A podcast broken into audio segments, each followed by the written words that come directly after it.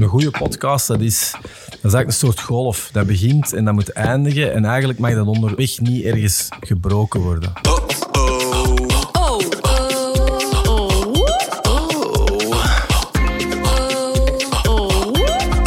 Welkom bij de podcast van Only Humans, waarin we op zoek gaan naar sterke mensen, achtermerken en hun unieke verhalen. Ook vandaag werpen we een open blik op het marketinglandschap in al zijn gedaantes. Vandaag hebben we voor het eerst twee gasten, namelijk Alex Agnew en Andries Bekkers. Het is een feestelijke editie. Dit is onze tiende aflevering. En we hebben de makers van Welcome to the EE kunnen strikken. En dat is onder de collega's hier veruit de populairste podcast ooit. Het topic van deze aflevering ligt dan ook voor de hand. Het wordt een meta-podcast, want we vragen Alex en Andries om al hun podcastgeheimen met ons te delen.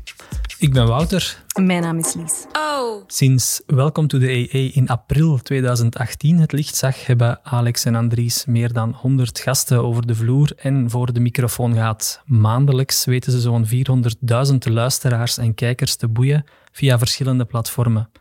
Andries geeft bovendien uh, bij Sintra les binnen de opleiding Podcasts voor Professionals. We vragen het duo naar de inzichten die ze opdeden tijdens hun podcastcarrière, naar de manier waarop ze hun afleveringen aanpakken en we hebben het over het succes en de inzetbaarheid van podcasts in het algemeen. Welkom Alex en Andries. Hallo. Welkom. terug. welkom terug. we zijn hier nog nooit geweest, maar welkom terug. Voilà, fantastisch. Oh. Voordat, jullie, uh, of voordat we het over uh, Welcome to the EE en, en podcast en zo gaan hebben, jullie gaan al heel lang terug. Hè? Jullie kennen elkaar echt al heel lang. Ik weet onder andere, of velen zullen dat weten, Diablo Boulevard hebben jullie samen ingezeten, maar mhm. Volgens mij gaat het nog veel langer terug. Hè? Het gaat nog verder eigenlijk, ja. ja. Maar niet veel langer, denk ik. Uh... Ja, nee, een goed jaar of max twee, denk ja. ik denk, zal, twee, 2000, denk 2005 of zo is de... Ik, ik word er altijd aan herinnerd, omdat een Alex niet uitgenodigd was op mijn trouwfeest. En dat was in 2005. En dat omdat wij elkaar nog niet kenden toen, by the way. En dat komt op een week of twee aan, dus ik zal het ook nooit vergeten. dat we elkaar niet kenden in uh, begin 2005, maar wel op het einde. Dus, uh. Ik kan nog altijd reageren op trouwfoto's van, ah ja, ah, dat moet een tof feest geweest zijn. dat, dat was het ook zeker. dat toch iets toffer geweest dat je mij al gekend had. Zo, dat sowieso, sowieso. ja, klopt. En ehm, ook gestart, of Alex, we hebben nu toen in de tijd uh, Xander de Rijke podcast gedaan, daarin gehoord. Mhm. Is daar ooit de microbe ontstaan om, het, om zelf aan te beginnen? Of waar kent dat zijn oorsprong? Goh, um, voor mij was dat toen niet. Sowieso. Eh, ik vond dat wel altijd heel interessant, maar ik ben heel hard gaan beginnen kijken naar uh, Joe Rogan, de Joe Rogan Experience. En um, dat was eigenlijk een, een, idee van een Andries die er tegen mijn vrouw over begon. Omdat mijn vrouw wat bezig was over als die niet optreedt, is er niks mee aan te vangen als die thuis is. en de Andries dacht, misschien is dat een goed idee dat we die niet te doen geven. Daar kwam het eigenlijk uh, voor mij een beetje op neer. Maar we hadden het er al wel een aantal keer over gehad. En we waren allebei fans van uh, Joe Rogan en Mark Maron, zo dat soort interview-podcast. Ook iets dat ik al meerdere keren uh, had voorgesteld aan een tv. Als ze mij vroegen van wat wilde jij doen of wat zou jij willen doen, had ik het altijd over longform interviews. Omdat ik zo ja, vaak te gast ben geweest op talkshows zelf. En al heel snel door had, ja, dat is een snel promo-praatje en rap scoren, maar je, je, je, komt niks te weten over die mensen. Nee. En er zijn heel veel mensen die best heel bekend zijn, waar je heel weinig over weet. Dus ik dacht, ja, dat is misschien echt heel tof om zo allemaal mensen uit te nodigen die in alle, allerlei ja, disciplines of die zijn er wel interessant zijn. Ja. En uh, ja, daar kwam dat eigenlijk wat van. Hè? Ja, zeker. En, en bij mij was het inderdaad ook wel dezelfde invloeden. En wat ik er altijd heel, heel tof aan gevonden heb, en wat ik tot vandaag de dag nog altijd tof aan vind, is dat het uh, een heel laagdrempelig medium is. Het is. Ik denk dat dat ook voor een deel het succes verklaart. Daarvoor was er radio, was er televisie. Alle twee heel interessante mediums, maar dingen ja, die je niet snel zelf kunt doen, omdat het ah, waarschijnlijk onmogelijk is om, om dezelfde dingen te betalen, maar ook gewoon, ja, je raakt ook niet met binnen bij de VRT of, of, op televisie. Dus dat laagdrempelige, het feit dat je het zelf kunt doen, uh, dat heeft me altijd gefascineerd, ook in de andere dingen dat ik in mijn leven gedaan heb. In muziek eigenlijk net hetzelfde. Uh, het feit dat je zelf iets kunt creëren, uh, vond, ik, vond ik persoonlijk heel inspirerend. En zeker ook omdat, natuurlijk, dat is iets dat we de laatste jaren gezien hebben, je zag dat ook in muziek, het materiaal is zoveel beter geworden. Hè. We kennen allemaal de beelden van, van televisie met grote camera's. Ja, vandaag de dag kun je inderdaad met, met een minimum aan, aan input kunnen wel heel toffe dingen doen. En uh, ik denk dat we het ook alle twee een beetje autodidactisch gedaan hebben. Uh, ik, ik, weet dat ik op een bepaald moment dat ik dat idee had en die mail heb ik ook nog altijd, die zal ik ook altijd bijhouden. En dat is wel fijn om te zien dat wat we toen in de mail hebben gezet, dat is het eigenlijk tot op vandaag de dag nog altijd. Ja. En ik denk dat dat ook wel een beetje eigen is aan een goed idee, dat het vaak maar één of twee zinnen zijn en dat eigenlijk daar in de essentie zit. Klopt. En dan gaat het daarmee van start. Um, gasten uitnodigen. De eerste gast was Marcel van Tilt. Was dat 1, 2, 3, knip. Jullie hadden een lijst met gasten. Ja, ik ken die. Hè. Ja. Dus er zijn een heel aantal dingen. Het, het, het, voordeel natuurlijk van mij te zijn, is dat je zelf ook bekend bent. Dus je kent wel meerdere mensen en ze zullen sneller zeggen, oh ja, die gast ken ik, dus daar ga ik wel naartoe. Ja. En ene keer dat je zo... Wat wij, dus wij hadden eigenlijk heel veel geluk dat wij direct op een, op een redelijk hoog niveau konden beginnen. Wij moesten niet beginnen met eerst onze vrienden en onze buren uit te nodigen en dan te zeggen, oké, okay, we zien wel waar dat naartoe gaat. Dus dat was, dat was natuurlijk het toffe eraan. Plus ja, het feit dat ik een comedian ben en ik ook heel veel comedians ken. Dus dat was ook al allemaal redelijk makkelijk. Dus in het begin is dat zo. En dan natuurlijk, naarmate dat dat succesvoller wordt, dan voel ook dat, dat mensen u beginnen te contacteren. Ja. Dus dan wordt dat eigenlijk ook makkelijker. Dus het, maar het, is, het is even het blijven volhouden en er iets van maken dat mensen kennen of ja. zo. Ja. En dat, dat heb je in het begin niet, maar dat komt wel redelijk snel. Ja. ja. Maar hadden een, een beetje een shortlist van, ik zal maar zeggen, 10, 20 namen dat je zei, daar willen we mee starten? Ja, Of? ja. die shortlist zat ook in die e-mail en die hebben we denk ik ook allemaal uh, al gehad. Um, ja, zoals Alex het zei, de Marcel, waarom, de Marcel was ook een ideale keuze, omdat hem aan natuurlijk, uh, Alex hem, ook het soort figuur dat ook wel open staat voor dat soort dingen. We hebben eerst ook getry-out met de Michael van Peel, omdat dat echt een goede vriend was. Want dat is ook altijd hetgeen uh, dat ik in mijn podcastcursussen geef. Uh, als ik zo een dag lesgeef, dan zeg ik altijd, je mag alles vergeten wat ik vandaag gezegd heb, maar één ding zul de boete onthouden. Dat is, doe altijd een proefopname. En liefst twee, en eigenlijk zelfs nog meer. Want uh, of dat je het nu al honderd keer gedaan hebt, of andere dingen hebt gedaan, het is... Hey, het is niet evident. Alles wat kan mislopen, loopt ook mis. En de Marcel was wel een ideale kandidaat, omdat hij ah, iemand was die natuurlijk enorm veel ervaring had met media. Dat was natuurlijk ook een klik met Alex. Maar dat is ook een gast waar je ook, waar je ook heel goed bij kon testen van wat willen we doen. Dat is iemand die een heel brede kennis heeft. Dat is geen seut. Dat is uh, wat je er geeft, krijg je ook terug. Ja. Dus ik denk ook voor iedereen, dat als je dat wilt doen of zo, denk daar heel goed over na. Uh, uw eerste gast is op veel vlakken misschien wel de belangrijkste. Ja, klopt. En dan gaat dat verder. Jullie krijgen meer gasten. Ondertussen worden jullie al hè, zichzelf zelf gecontacteerd. Letten dan ook op, op andere dingen. Ik denk aan, ik, ik heb een paar keer horen vertellen in de podcast, vrouwen in het begin heel moeilijk om te, of toch moeilijker om te overtuigen. Diversiteit, is dat iets wat je zegt van, als we kijken naar de gasten, daar letten we toch wel op? Of is het... Tuurlijk. Ja, allee, tuurlijk. Ik bedoel, het is niet dat je zo hoe zeg je dat, de excuustruus of de alibi-ali gaat het nodigen. Hè? Zo van, we willen alleen maar onze diversiteitsquotum halen en mm -hmm. dat is het. Daar gaat het niet over. Dus je wilt gewoon interessante mensen die je cool vindt. En liefst met zoveel als mogelijk diversiteit als dat ook kan. En dat is ook wel een aantal keer gelukt. Maar je merkt ook wel dat dat hè, bij, bij vrouwen bijvoorbeeld, ik weet dat van Xander de Rijken ook, dat hij zei, ja, dat is moeilijker. Omdat die vaker nee zeggen omdat die vaker zeggen, oh, wat voor iets is dat dan? En, en moet ik dan er zo, wat moet ik dan zeggen? En waarover gaat dat? En dat je denkt, komt gewoon af en doet dat gewoon. Ja.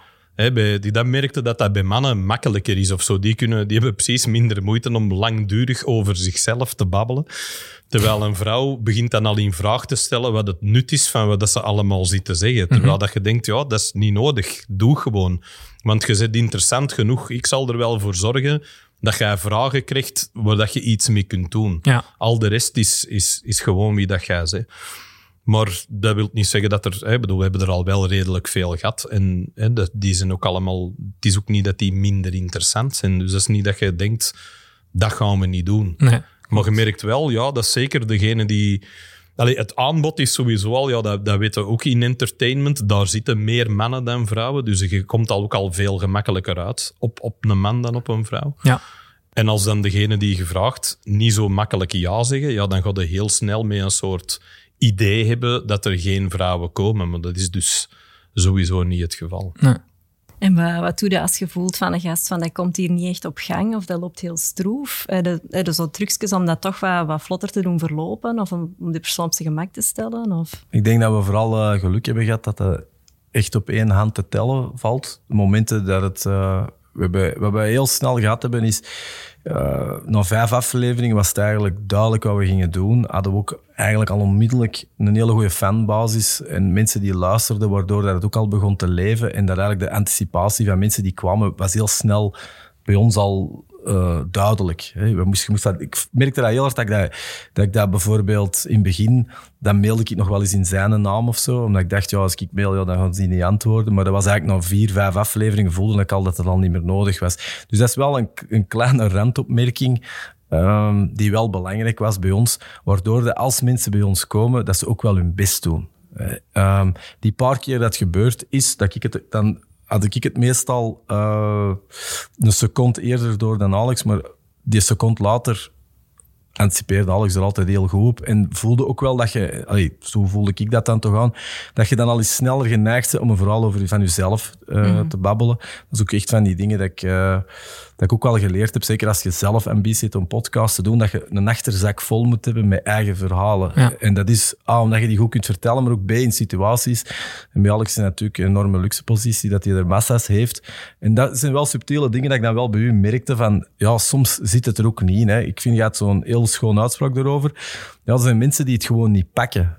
Eh, dat zie je niet alleen in zoiets, die zullen dat waarschijnlijk op andere momenten ook hebben. En dan hebben we, we hebben bijvoorbeeld gasten gehad, waarvan je ook achteraf de feedback krijgt van wauw, die waren fenomenaal goed. Terwijl dat, ik dat er nooit van verwacht had. Misschien ook wel een beetje wat het spanningsveld, wat zo interessant maakt. Het feit dat het ook niet altijd gegarandeerd is dat het goed is. Uh, maar ik heb wel geleerd, uh, zeker als we een goede voorbereiding hebben en we weten echt goed wat we willen, dan, ja, dan denk ik dat we het risico wel klein houden dat het echt nergens op slaagt. Hè. Ja, zeker. En het is ook... ehm, ja, ik vind eigenlijk... Wat wat het leuke is aan, aan podcasten, is dat ik, ik heb iets soortgelijks twee keer meegemaakt in mijn leven eigenlijk. Zo, het begin van comedy in dit land was ook zo dat ding waar je van zegt dat dat een soort anarchist is. We doen helemaal niet mee om wat iedereen anders doet. Je Ja. doet je eigen ding en je bouwt dat op van, van niks. En je maakt daarvan wat dat jij ervan wilt maken. Je, je laat je niet vertellen door hè, mensen van de tv. Oh, dat werkt niet, want dat ik denk, ja, je hebt geen idee waar je over bezig bent. Nee, je zit aan de ik bron. weet wat dat, dat is, dus ik, ik ga dat doen. En ik zal wel laten zien dat dat meer is dan dat. Mhm. En we hebben hetzelfde gehad met dit, waar wij ook voelden, ja, je mist... Ik miste, het is eender welke vorm van een diepgaand gesprek op de tv. Dat was er niet. Je zit altijd te kijken naar... Hè, ofwel is het halve promo-praatjes, ofwel krijg je van die hele snelle, super gepolariseerde meningen tegen elkaar op. Want dan kunnen we even rap scoren en dan wordt er morgen over ons gepraat. En dat is het.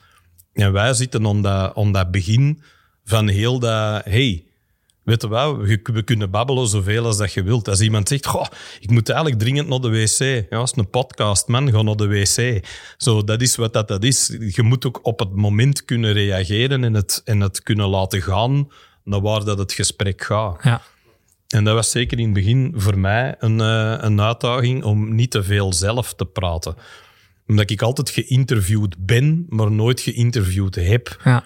En er is een heel groot verschil. En eh, dat is wel tof, dat je op den duur zo leert luisteren. Want dan wordt dat gesprek ook veel toffer. Want dan kun je inpikken op dingen die je niet hoort als je niet luistert. Want dat zie je ook vaak bij, bij tv. Dat er iemand zit en heeft zijn kaartjes met zijn vragen, die heeft een oortje in, waar de redactie zegt, hij wil reageren nu. Jij moet nu, ja, jij wou iets zeggen. En je bent totaal niet bezig met wat dat die persoon aan het zeggen is, maar met alles er rond. Ja. En hier is dat niet. Dus je kunt, je kunt dat voorbereiden met vragen, wat ik ook doe. Maar, en daar ben ik soms ook lang mee bezig. Maar wat je wel hebt, is als die niet kei interessant zegt, dat totaal niks met die vragen te maken heeft, dan denk ik, wauw, fantastisch. We zijn vertrokken. En dan Laat je het maar gebeuren. Kun je het loslaten. Plus ook de momenten dat je zei, het soms stroef loopt. Hè, wat ook heel cool is, is dat wij met twee zijn. Dus een Andries die voelt dat soms ook aan en ineens weet ah, deze is een beetje... En dan komt die ertussen met een vraag. En dan denk ik, oké, we zijn terug vertrokken. En we doen dat ook met elkaar, zo, waardoor dat... dat je, je hebt ook heel veel steun aan elkaar als je er met twee zit. Ja, zeker ook. Eh, dat is het enige wat je eigenlijk hebt op dat moment.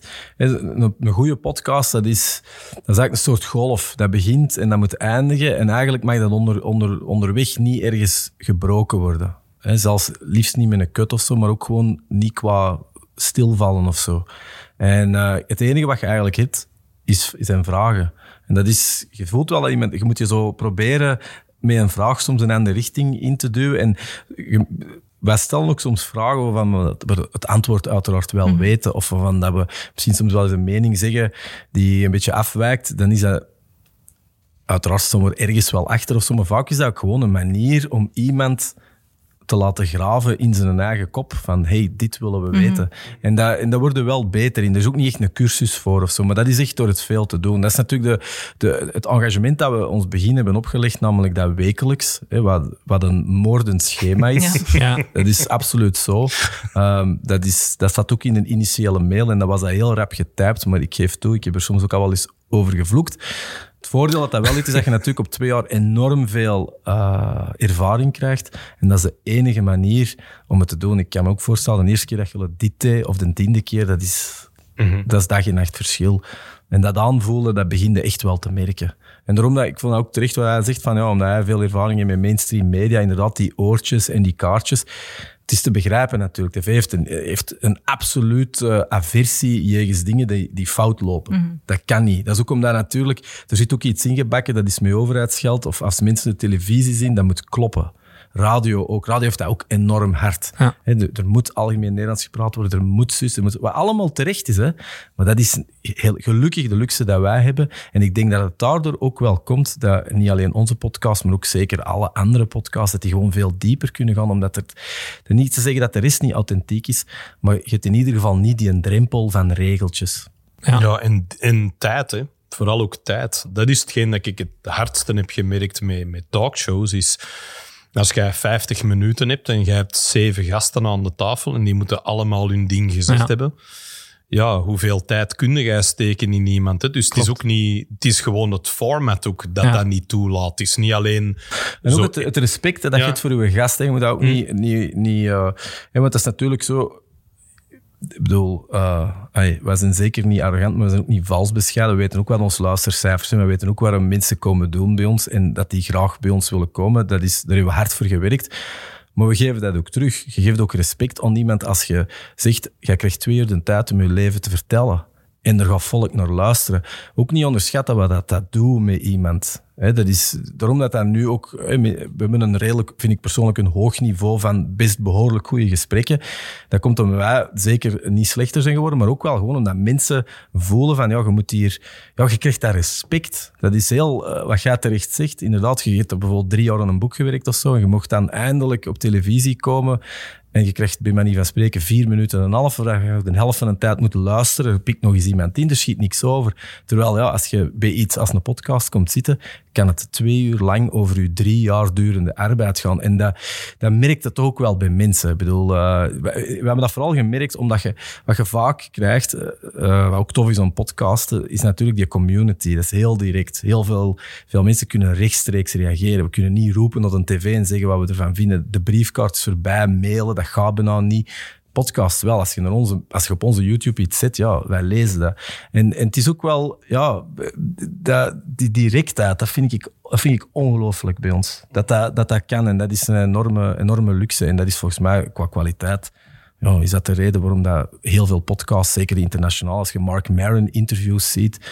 dat is onvoorstelbaar uh, hoe diep dat je kunt gaan. Ja, en, en je zegt ja, we lezen het zelf. Um, dingen die je daar al hebt op aangepast dan? Of dat je zegt van zeker. daar hadden we rekening moeten mee houden de volgende keer? Ja, er is zeker er is een absolute regel en, uh, en die geldt zeker voor bekende mensen, die dat je eigenlijk je comments niet mocht lezen. Hè? Dat is, dat is ook een reden, dat is, er is een grappige reden voor, gewoon omdat dat niet altijd leuk is wat mensen schrijven, maar een van de redenen, um, die ik onlangs ook iemand hoorde zeggen, was ja, omdat het u indirect gaat beïnvloeden. Mm -hmm. Dus hoe, zelfzeker dat je kunt zijn als een opmerking ah, binnenkomt, komt ze binnen. En daardoor zullen bijvoorbeeld, zeker in het geval van comedians, het ergste wat comedians kunnen doen, is, naar, is hun gedrag gaan aanpassen op basis van één of twee comments. Ik, ik zie mezelf er een beetje, een beetje tussen, als in van, ja, ik, heb, ik kan mij ook wel echt meer in een producersrol zetten en ik zal zelfs het de meest vervelende commentaar nog wel iets halen.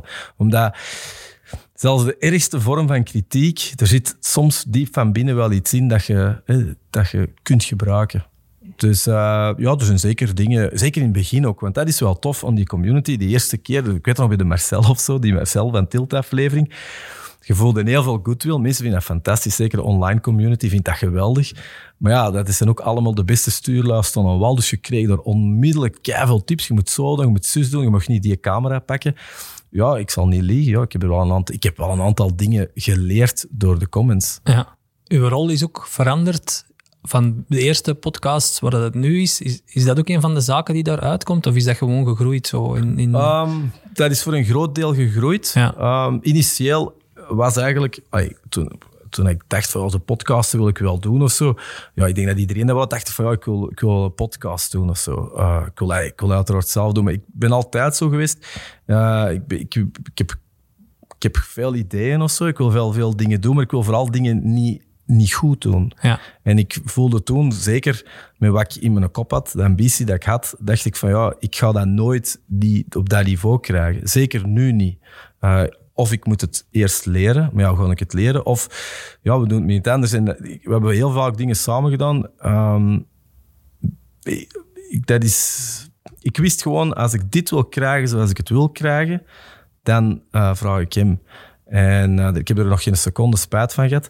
Dat was één, dat is de hoofdtrainer omdat ik het niet gedaan heb. En waar ik in het begin ook stil, stiller was, was ook gewoon omdat ik natuurlijk technisch het moest leren. Ik heb het ook echt geleerd om het te doen.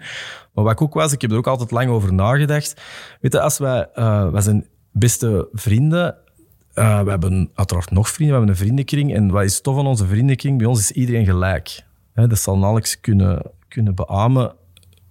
Dat zou, anders kunnen ook geen vrienden zijn. Maar er is wel een groot verschil tussen op café met, alle, met allemaal dezelfde mening hebben en roepen tegen elkaar en, en, en gelijk halen. En als je in het openbare leven gaat. Dus dat zou ook heel raar geweest zijn, moest ik van in het begin evenveel praat gehad hebben. Je mhm. moet ook soms, uh, je moet ook van jezelf weten wat je zegt. Je bent niet die persoon. Op café misschien wel, maar niet daar. En uh, ja, misschien is dat, klinkt dat strategisch en het is, maar ik heb er altijd wel heel lang over nagedacht van ja, als we dat doen, dan moet dat natuurlijk komen. Ik moet, en, het is ook die rol waar ik me het beste in voel. Uh, ik hoef niet, want dat is niet te onderschatten. Uh, wat ik doe, ik heb zeker mijn bijdrage, zeker het technische gedeelte pak ik alle credit, maar niet onderschatten. Ik kan zeker mijn meerwaarde voelen bij extra vragen, maar ik moet het niet dragen.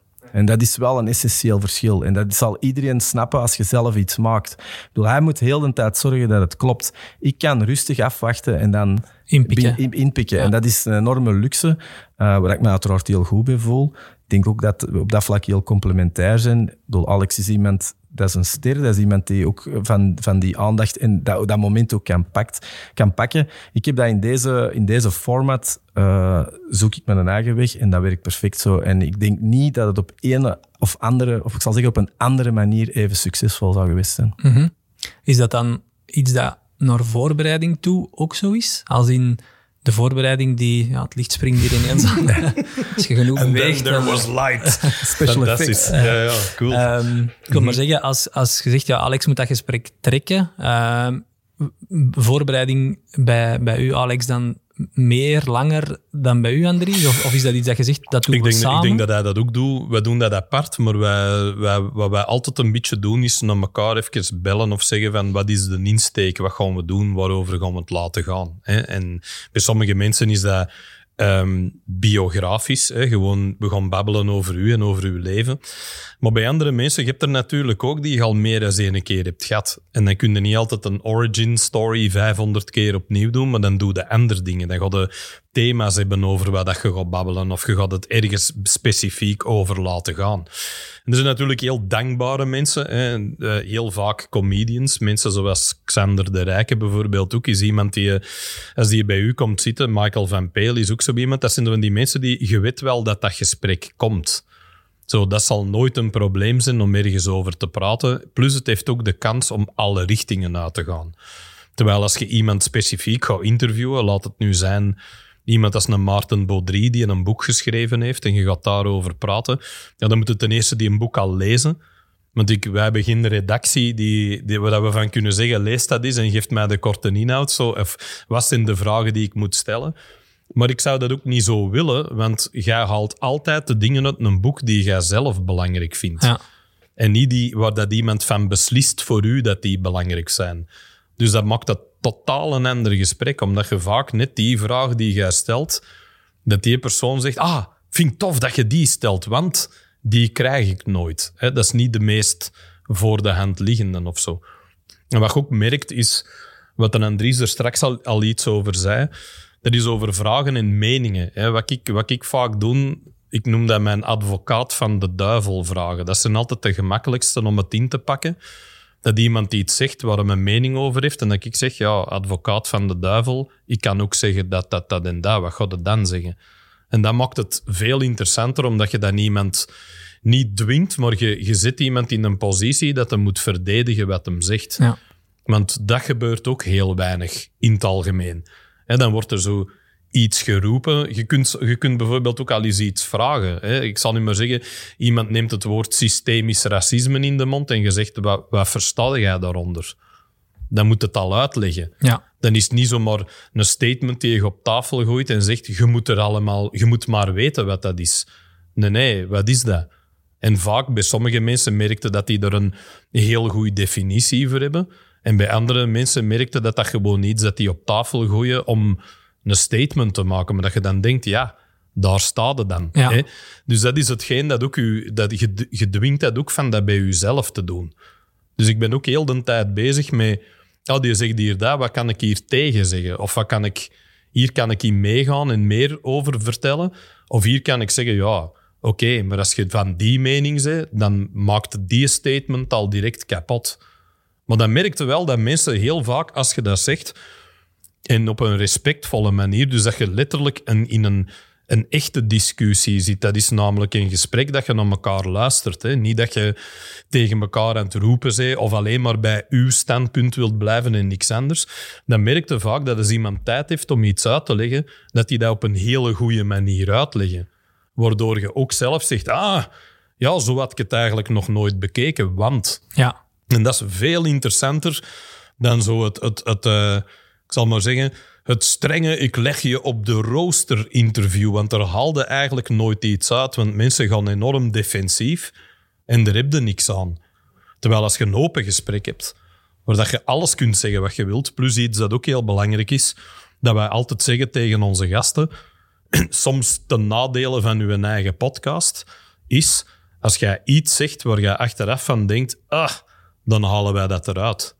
En gebeurt dat ik dat mensen dat vragen? Nee, of- dat gebeurt weinig. Maar de, de reden, maar het, het, omdat het kan, zijn mensen ook veel meer op hun gemak. Ja. Hebben ze veel minder de neiging om. Je weet, allee, ik, ik ben, zoals ik al zeg, ik heb zelf heel veel interviews moeten geven. En ik voel op den duur, ik heb dat ook moeten leren. Het is net hetzelfde met vallen en opstaan. Vroeger dacht ik, elk gedacht wat uit mijn mond komt, zeg ik zoals het. En nu denk ik al, ik weet al wat ga je hier aan het doen zijn.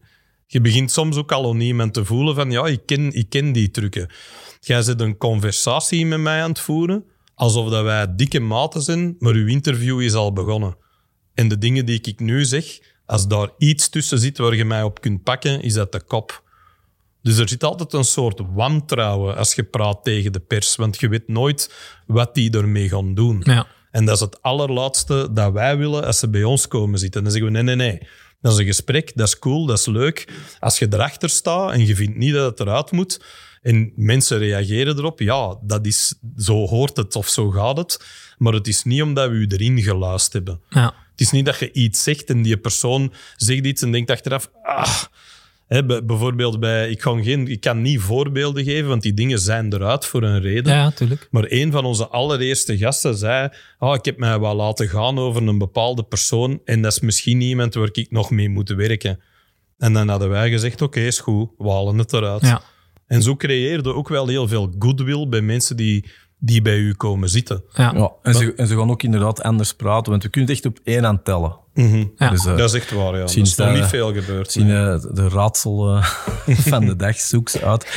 Nee, maar, je voelt ook, maar het, is ook, het is ook daardoor dat mensen eigenlijk, omdat ze weten dat het kan, zijn ze op een of andere manier ook veel opener. Ja. En hoort ook achteraf van, goh ja, laat het er maar in. Of eh, vaak voelt het ook wel zelf van, zie je het eigenlijk al aan hun gezicht van, ah, ik had dat niet mogen zeggen of zo. Ja, Het, maar het gevoel van, hier zit een gast en hè, wat jullie zeggen van open gesprek, jullie zijn in de lead. Het gevoel van, eigenlijk voel ik aan dat die gast mij aan het leiden is om toch maar naar zijn dingen te gaan. Dat heb je eigenlijk nog niet echt gehad. Dan, je hebt dat eh, wel mee, bijvoorbeeld met media, maar dan is dat nooit negatief. Ja. Hè, want voor, het voorbeeld dat Alex geeft is natuurlijk, daar zit iets negatief in. Bij ons is het natuurlijk ook omdat het in een huiselijke setting is. Hè. Ik bedoel, Er zijn ook een aantal mensen dat we niet uitnodigen, bijvoorbeeld politici, zoiets hè, dat we niet Ja. doen. Hè, tenzij dat ze misschien ooit op pensioen gaan.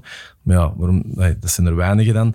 Die, eh, dat is ook wel een beetje omdat je in een huiselijke setting zit. Ja. Hè. Mensen weten dat niet, tenzij dat je al een keer langsgekomen. Zei, ja, mijn dochter slaapt eigenlijk twee meter verder. Dus ik zou dat ook een beetje raar vinden als je bepaalde excentrieken of, of, of, of extreme politici zou uitnodigen. En natuurlijk zit daar wel...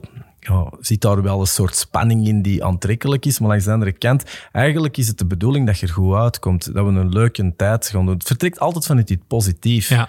En eh, het is ook die sfeer die je samen met dan inderdaad de regel dat er vrijheid is achteraf om iets eruit te halen, dat gewoon zorgt voor ja, ja, een soort sfeer die, die alleen maar bevorderlijk is voor, voor, eh, voor het niveau van de gesprekken. Ja, memorabele gasten die je zo kunt noemen, dat je zegt van nooit verwacht of het is echt een fantastische podcast geworden. Goh, er zijn er veel. Maar wat bijvoorbeeld, omdat je er straks zei van een gast die nu leidt, Ja, is bijvoorbeeld iemand als Erik van Looy. Maar dat is ook niet erg, dat is een regisseur. En je voelt dat hij soms dat automatisch al begint te doen. Dat hij een gesprek naar ergens trekt, omdat hij denkt, ah ja, hier zit het.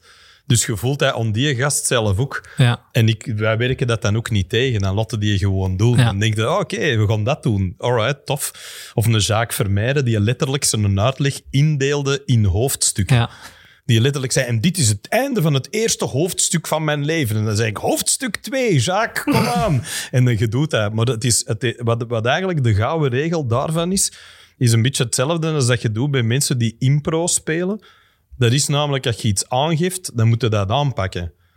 Als iemand tegen u zegt, amai, daar staat een mooie kast. Dat is geen kast, dat is een deur. Ja, dan stopt het gesprek. Dan is dat gedaan. Dus als iemand zoiets aangeeft, dan moet je zeggen, oké, roll with it. Ja. En we zullen wel zien waar dat dan naartoe gaat. ja. Ja. Ah, ah. En ook wat ik wel boeiend vond, zeker eh, omdat je natuurlijk ook positioneel, eh, heb ik soms ook wat meer een overzicht. ah, positie, dat ziet ook wel de, de, de verschillen tussen mensen die veel media-ervaring hebben en mensen die het niet hebben. Hè. We hebben altijd wel een mix gehad van, laat het dan bekende mensen noemen en, iets wat eh, ja, onbekend talent of zo. Je ziet dat verschil wel. En dat is wel heel boeiend om te zien. Hè. Zeker ook zo eh, ervaren rotten, hoe dat die, hoe dat die eerst wat aftasten en een beetje een soort professionele mode gaan, maar na een kwartier, twintig minuten, hè, zoals Alex al zei, dat is natuurlijk het voordeel dat je tijd hebt. Ja. Dat die rustiger en rustiger een beetje hun, hun, hun, eh, hun schild laten zakken. Eh, misschien ook bewust, hè, want op een duur kun je paranoia blijven, maar dat is wel heel schoon dat je dat ziet. En, en ja, dan weet ik ook altijd van, ja, dit is goed. Je begint dat ook echt te merken wanneer dat goed is. Dan hangt er iets in de lucht. Eh, dan is, zo- zoals Alex zegt, het is geven en nemen. En, en als je dan zo samen kunt bouwen naar zo'n goed moment, ja, dat is heel, heel, heel tof. Dat geeft een kick eigenlijk. Dat Ja. is ook de reden waarom dat als mensen met podcasten beginnen, waarom dat ze het ook zo fascinerend vinden. Omdat je, ja, dat is wel leuk om, om, om dat te zien. Hoe dat een goed gesprek, zeker met, met, met verschillende mensen, hoe dat, dat, hoe dat, dat in stukken, stukken, beetje bij beetje eh, strak wordt. Ja, je merkt ook, sommige mensen zijn, zijn interessant om wie, eh, omwille van wie dat ze zijn, hè, als een, een of andere bekendheid. Maar andere mensen zijn interessant omwille van wat dat ze doen. Je hebt ook een gast als Jelle Veit, zo een of andere zot, die met een fiets over heel de wereld rijdt en dan een berg gaat beklimmen, die een lawine heeft overleefd, Ja. waar veertien mensen gestorven zijn op de Mount Everest en het jaar daarna is teruggegaan. Dat soort mensen.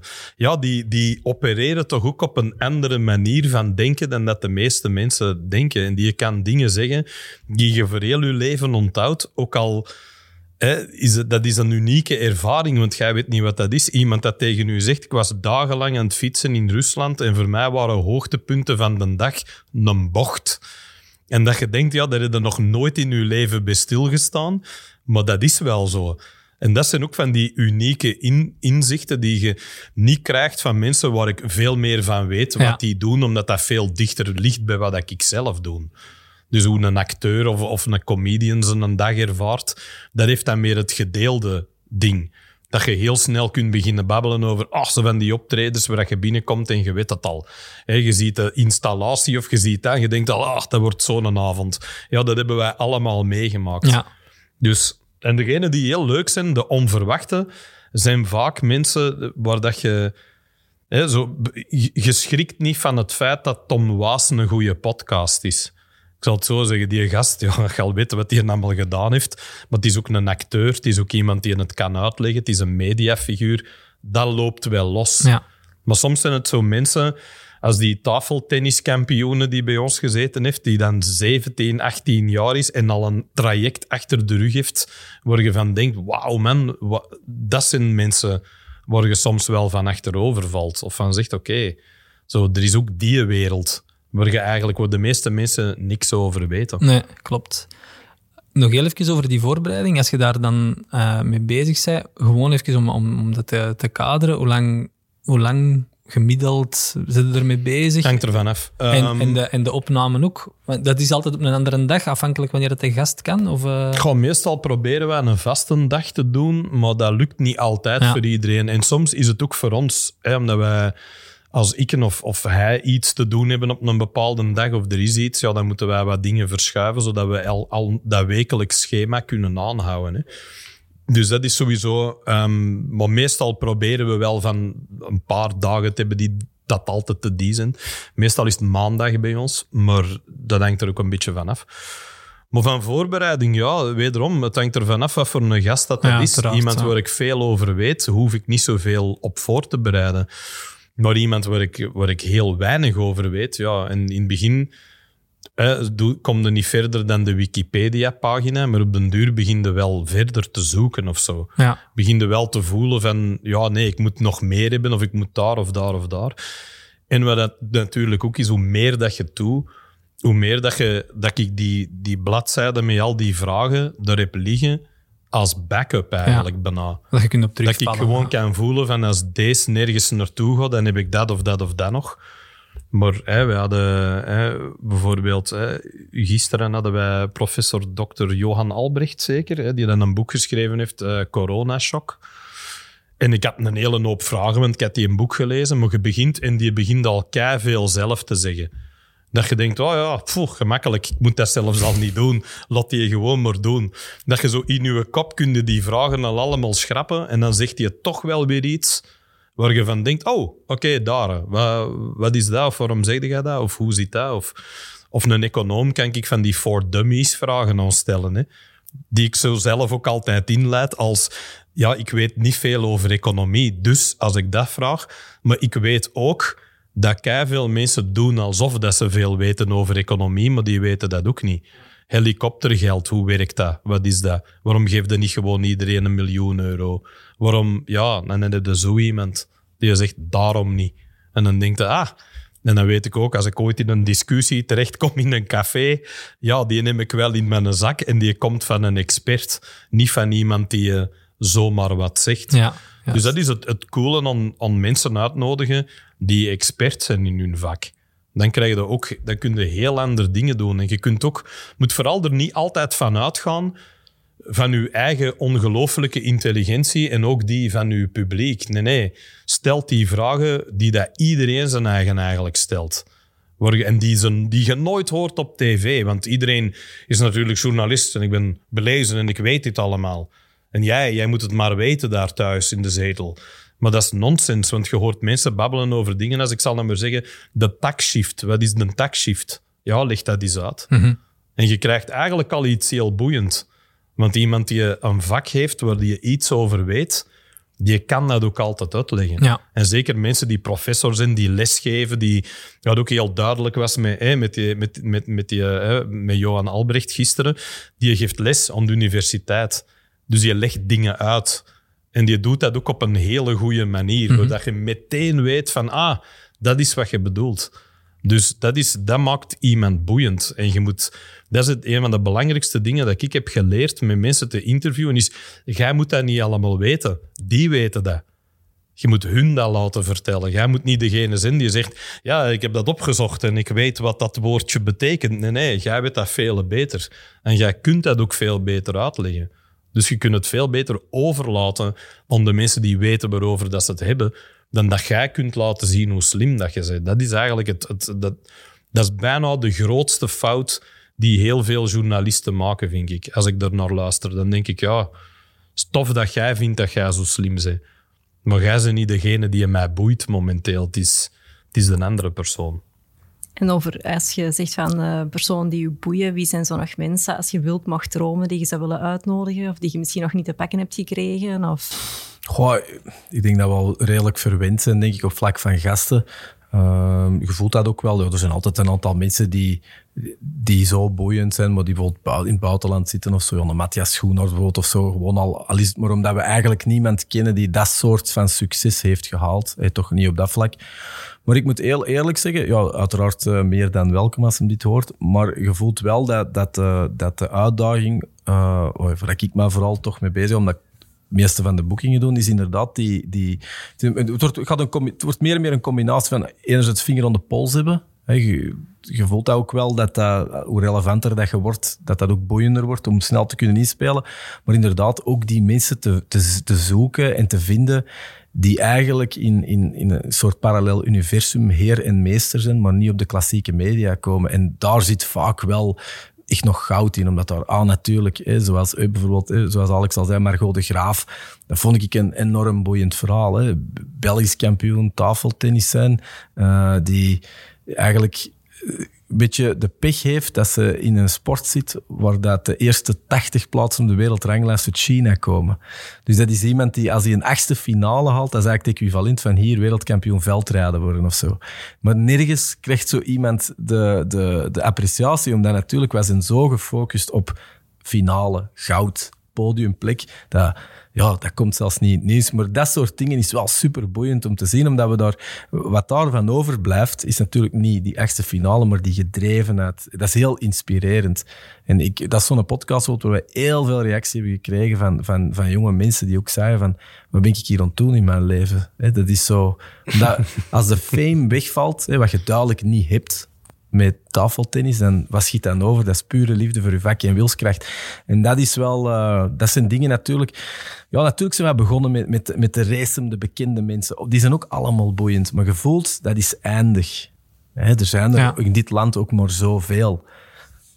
De uitdaging ligt nu in die, in die, in die diamantjes vinden. Ja, en je zit ook wel ondertussen in een, in een positie met dat publiek dat je eigenlijk zelf al een stuk mensen kunt bijna lanceren. Hè? Die, mm -hmm tafeltenniskampioen. Ja, dat is misschien veel gezegd, maar ik snap wel wat je wilt zeggen. Je kunt al wel iemand bekender maken bij een groter publiek. Ja, op, zich al. podium zitten. Ja. En dat hangt dan ook heel veel van die persoon af. Hè. Wat, wat Andries er straks ook zei over dat, dat ik tegen hem zei, je moet het ook pakken.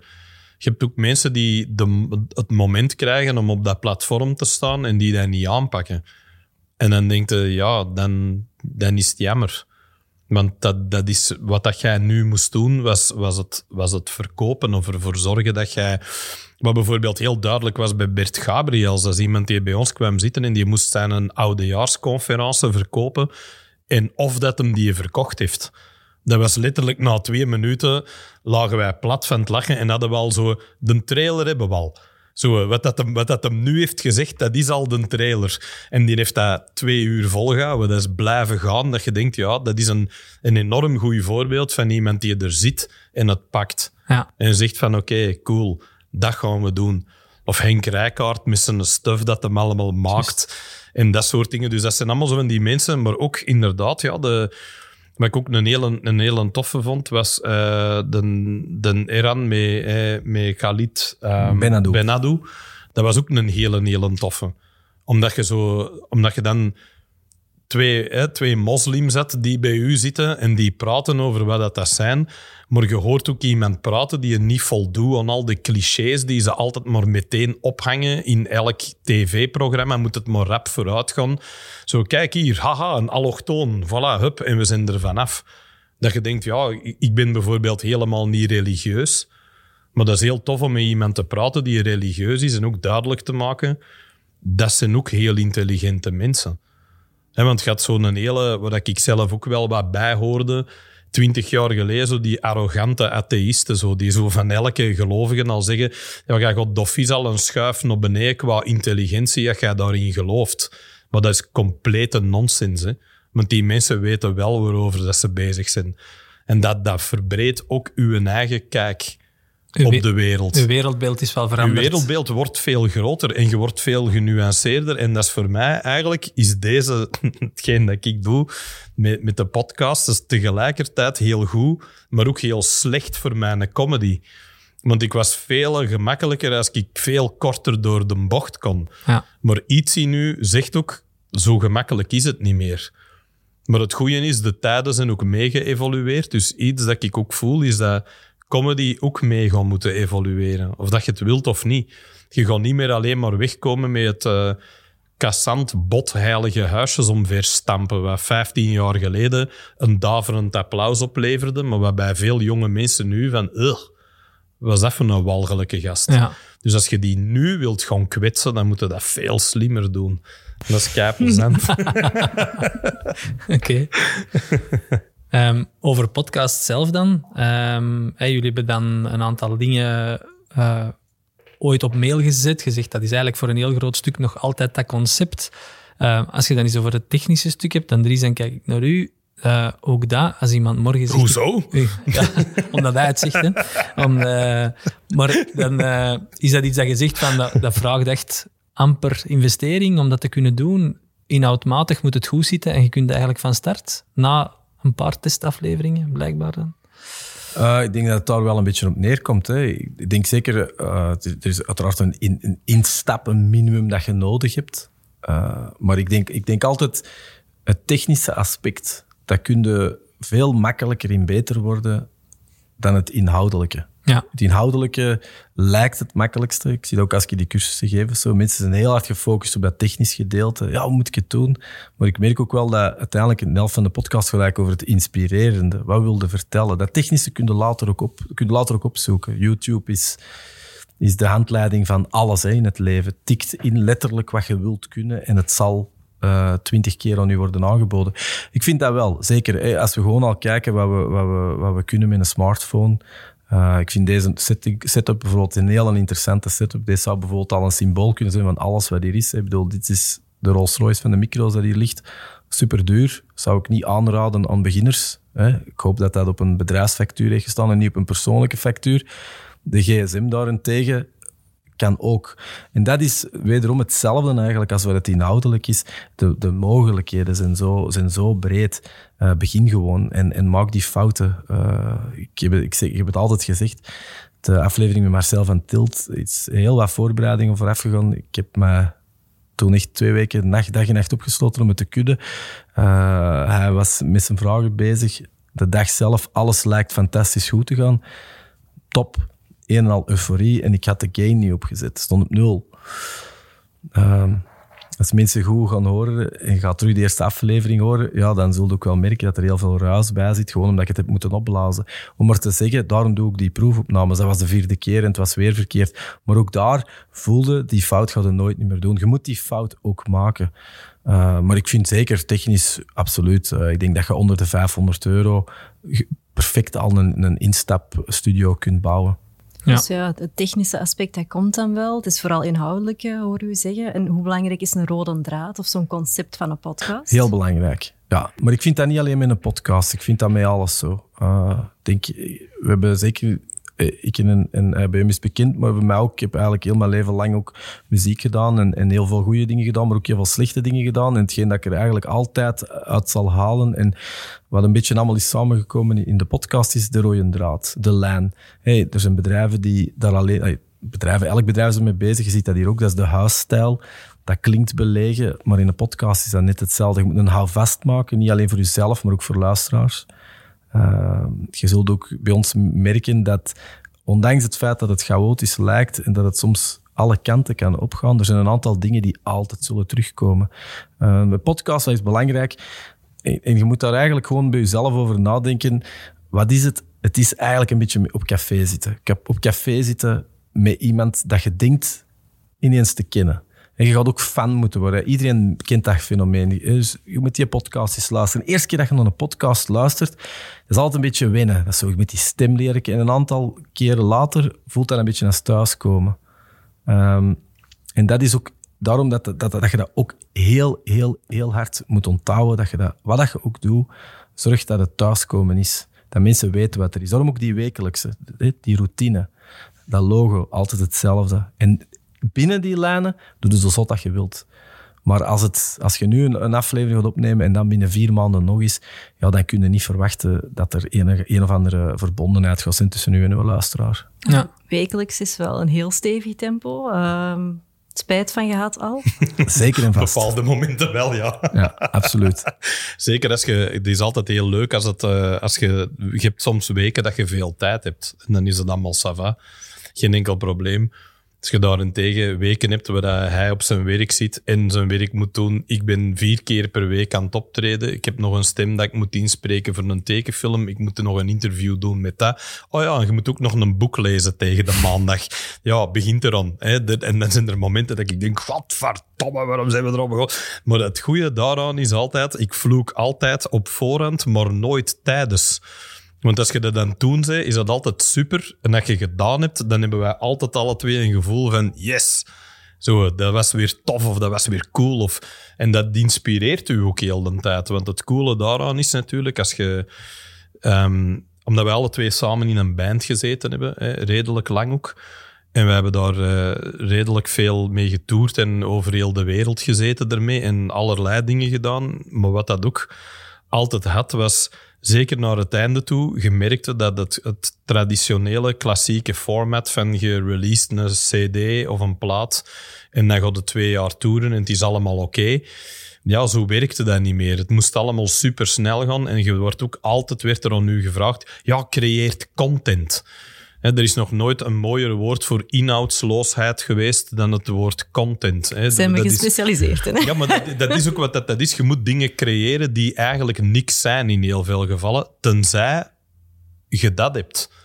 Want wij creëren elke week twee uur content, mhm. maar dat gaat wel ergens over. En je krijgt ook inderdaad inhoud. Je krijgt ook iets, de ene aflevering al meer dan de andere, zoals het altijd zal zijn. En het is ook allemaal niet zo erg als het eens een week tegenvalt, want hey, volgende week zijn we er terug. En wie weet zit er een mega goeie tussen.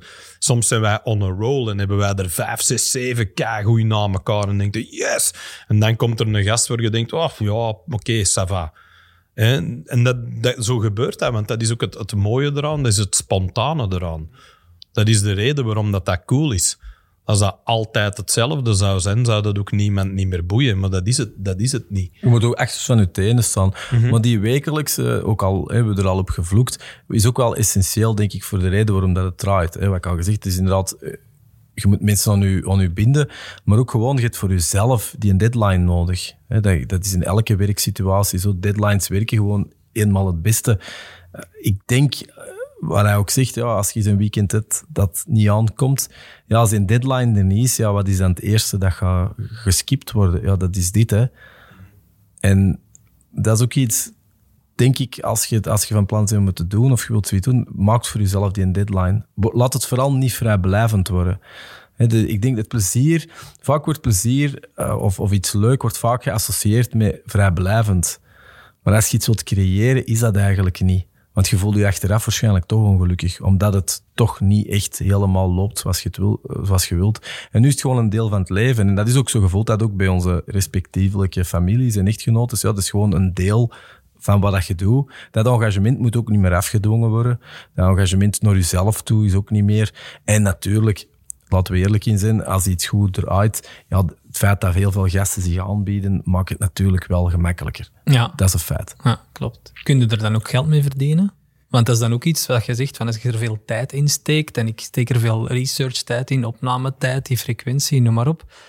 Um, allee, ik weet dat die vraag in de podcast ook al wel eens een paar keer is gevallen. Um, Jullie zijn een tijd door Humo uh, gesponsord geweest. We hebben dat zes maanden gedaan. Dat is een paar keer verlengd geweest. Ze hebben het nu uh, voorlopig even, uh, even stopgezet. Er is zeker geld mee te verdienen. Ik denk dat we op dat vlak ook wel pionieren zijn mhm. of waren. We hebben er ook al lang over nagedacht. We hebben ook al andere aanbiedingen gekregen, maar dan op een andere vorm. Um, ik, denk dat het, uh, ik denk dat het antwoord op de vraag of dat het, ja, het kan, ja, het kan zeker. Er zijn podcasts die gesponsord worden. Die van ons, we hebben het ook lang gedaan. Dat was een experiment waar we redelijk tevreden over waren. Ik denk dat het een combinatie is van Vlaanderen. Vlaanderen is, loopt zeker nog wel wat achter op dat vlak. Mm Dat merkte ook wel dat weet ik ook van mensen die in de televisie werken, als, op, op vlak van uh, reclame, dat de, de, de, bedrijven heel klassiek zijn. Op vlak van geld geven voor zoiets.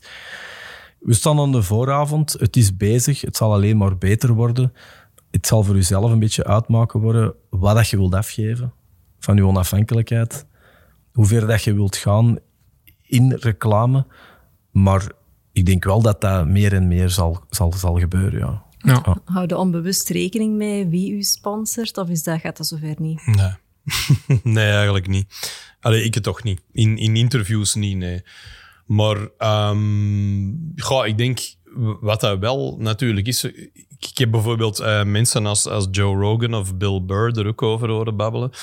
Dat die zij van bepaalde sponsors hebben en dat die dan zoiets iets afzeken in hun podcast en dat ze die dan kwijt waren, die sponsor.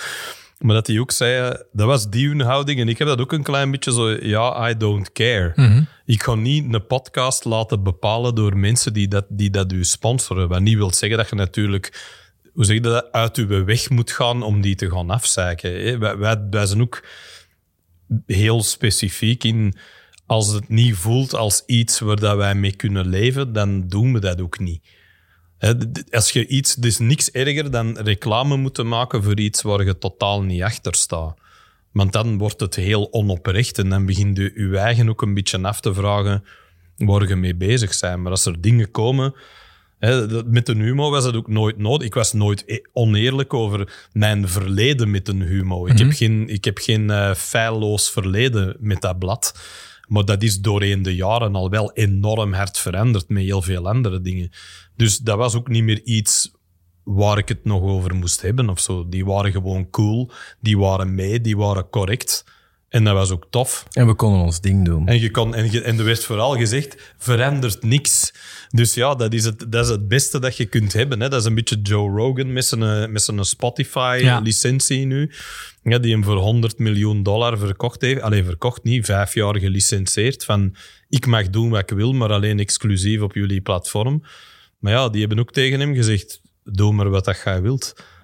En dat is, dat is de reden waarom dat hem het doet. Hè. Ja, zeker. Ik denk zelfs eigenlijk, als je, ik denk op dit moment zitten we wat achter. Ik denk als je echt geld wilt verdienen met je podcast, zullen volgens mij nog meer business to business moeten gaan. Ik denk dat daar zeker uh, markt is. Ik weet ook van bepaalde podcasts die veel minder luisteraars hebben, maar waar het inderdaad allemaal de CEO's zijn die, die, die luisteren.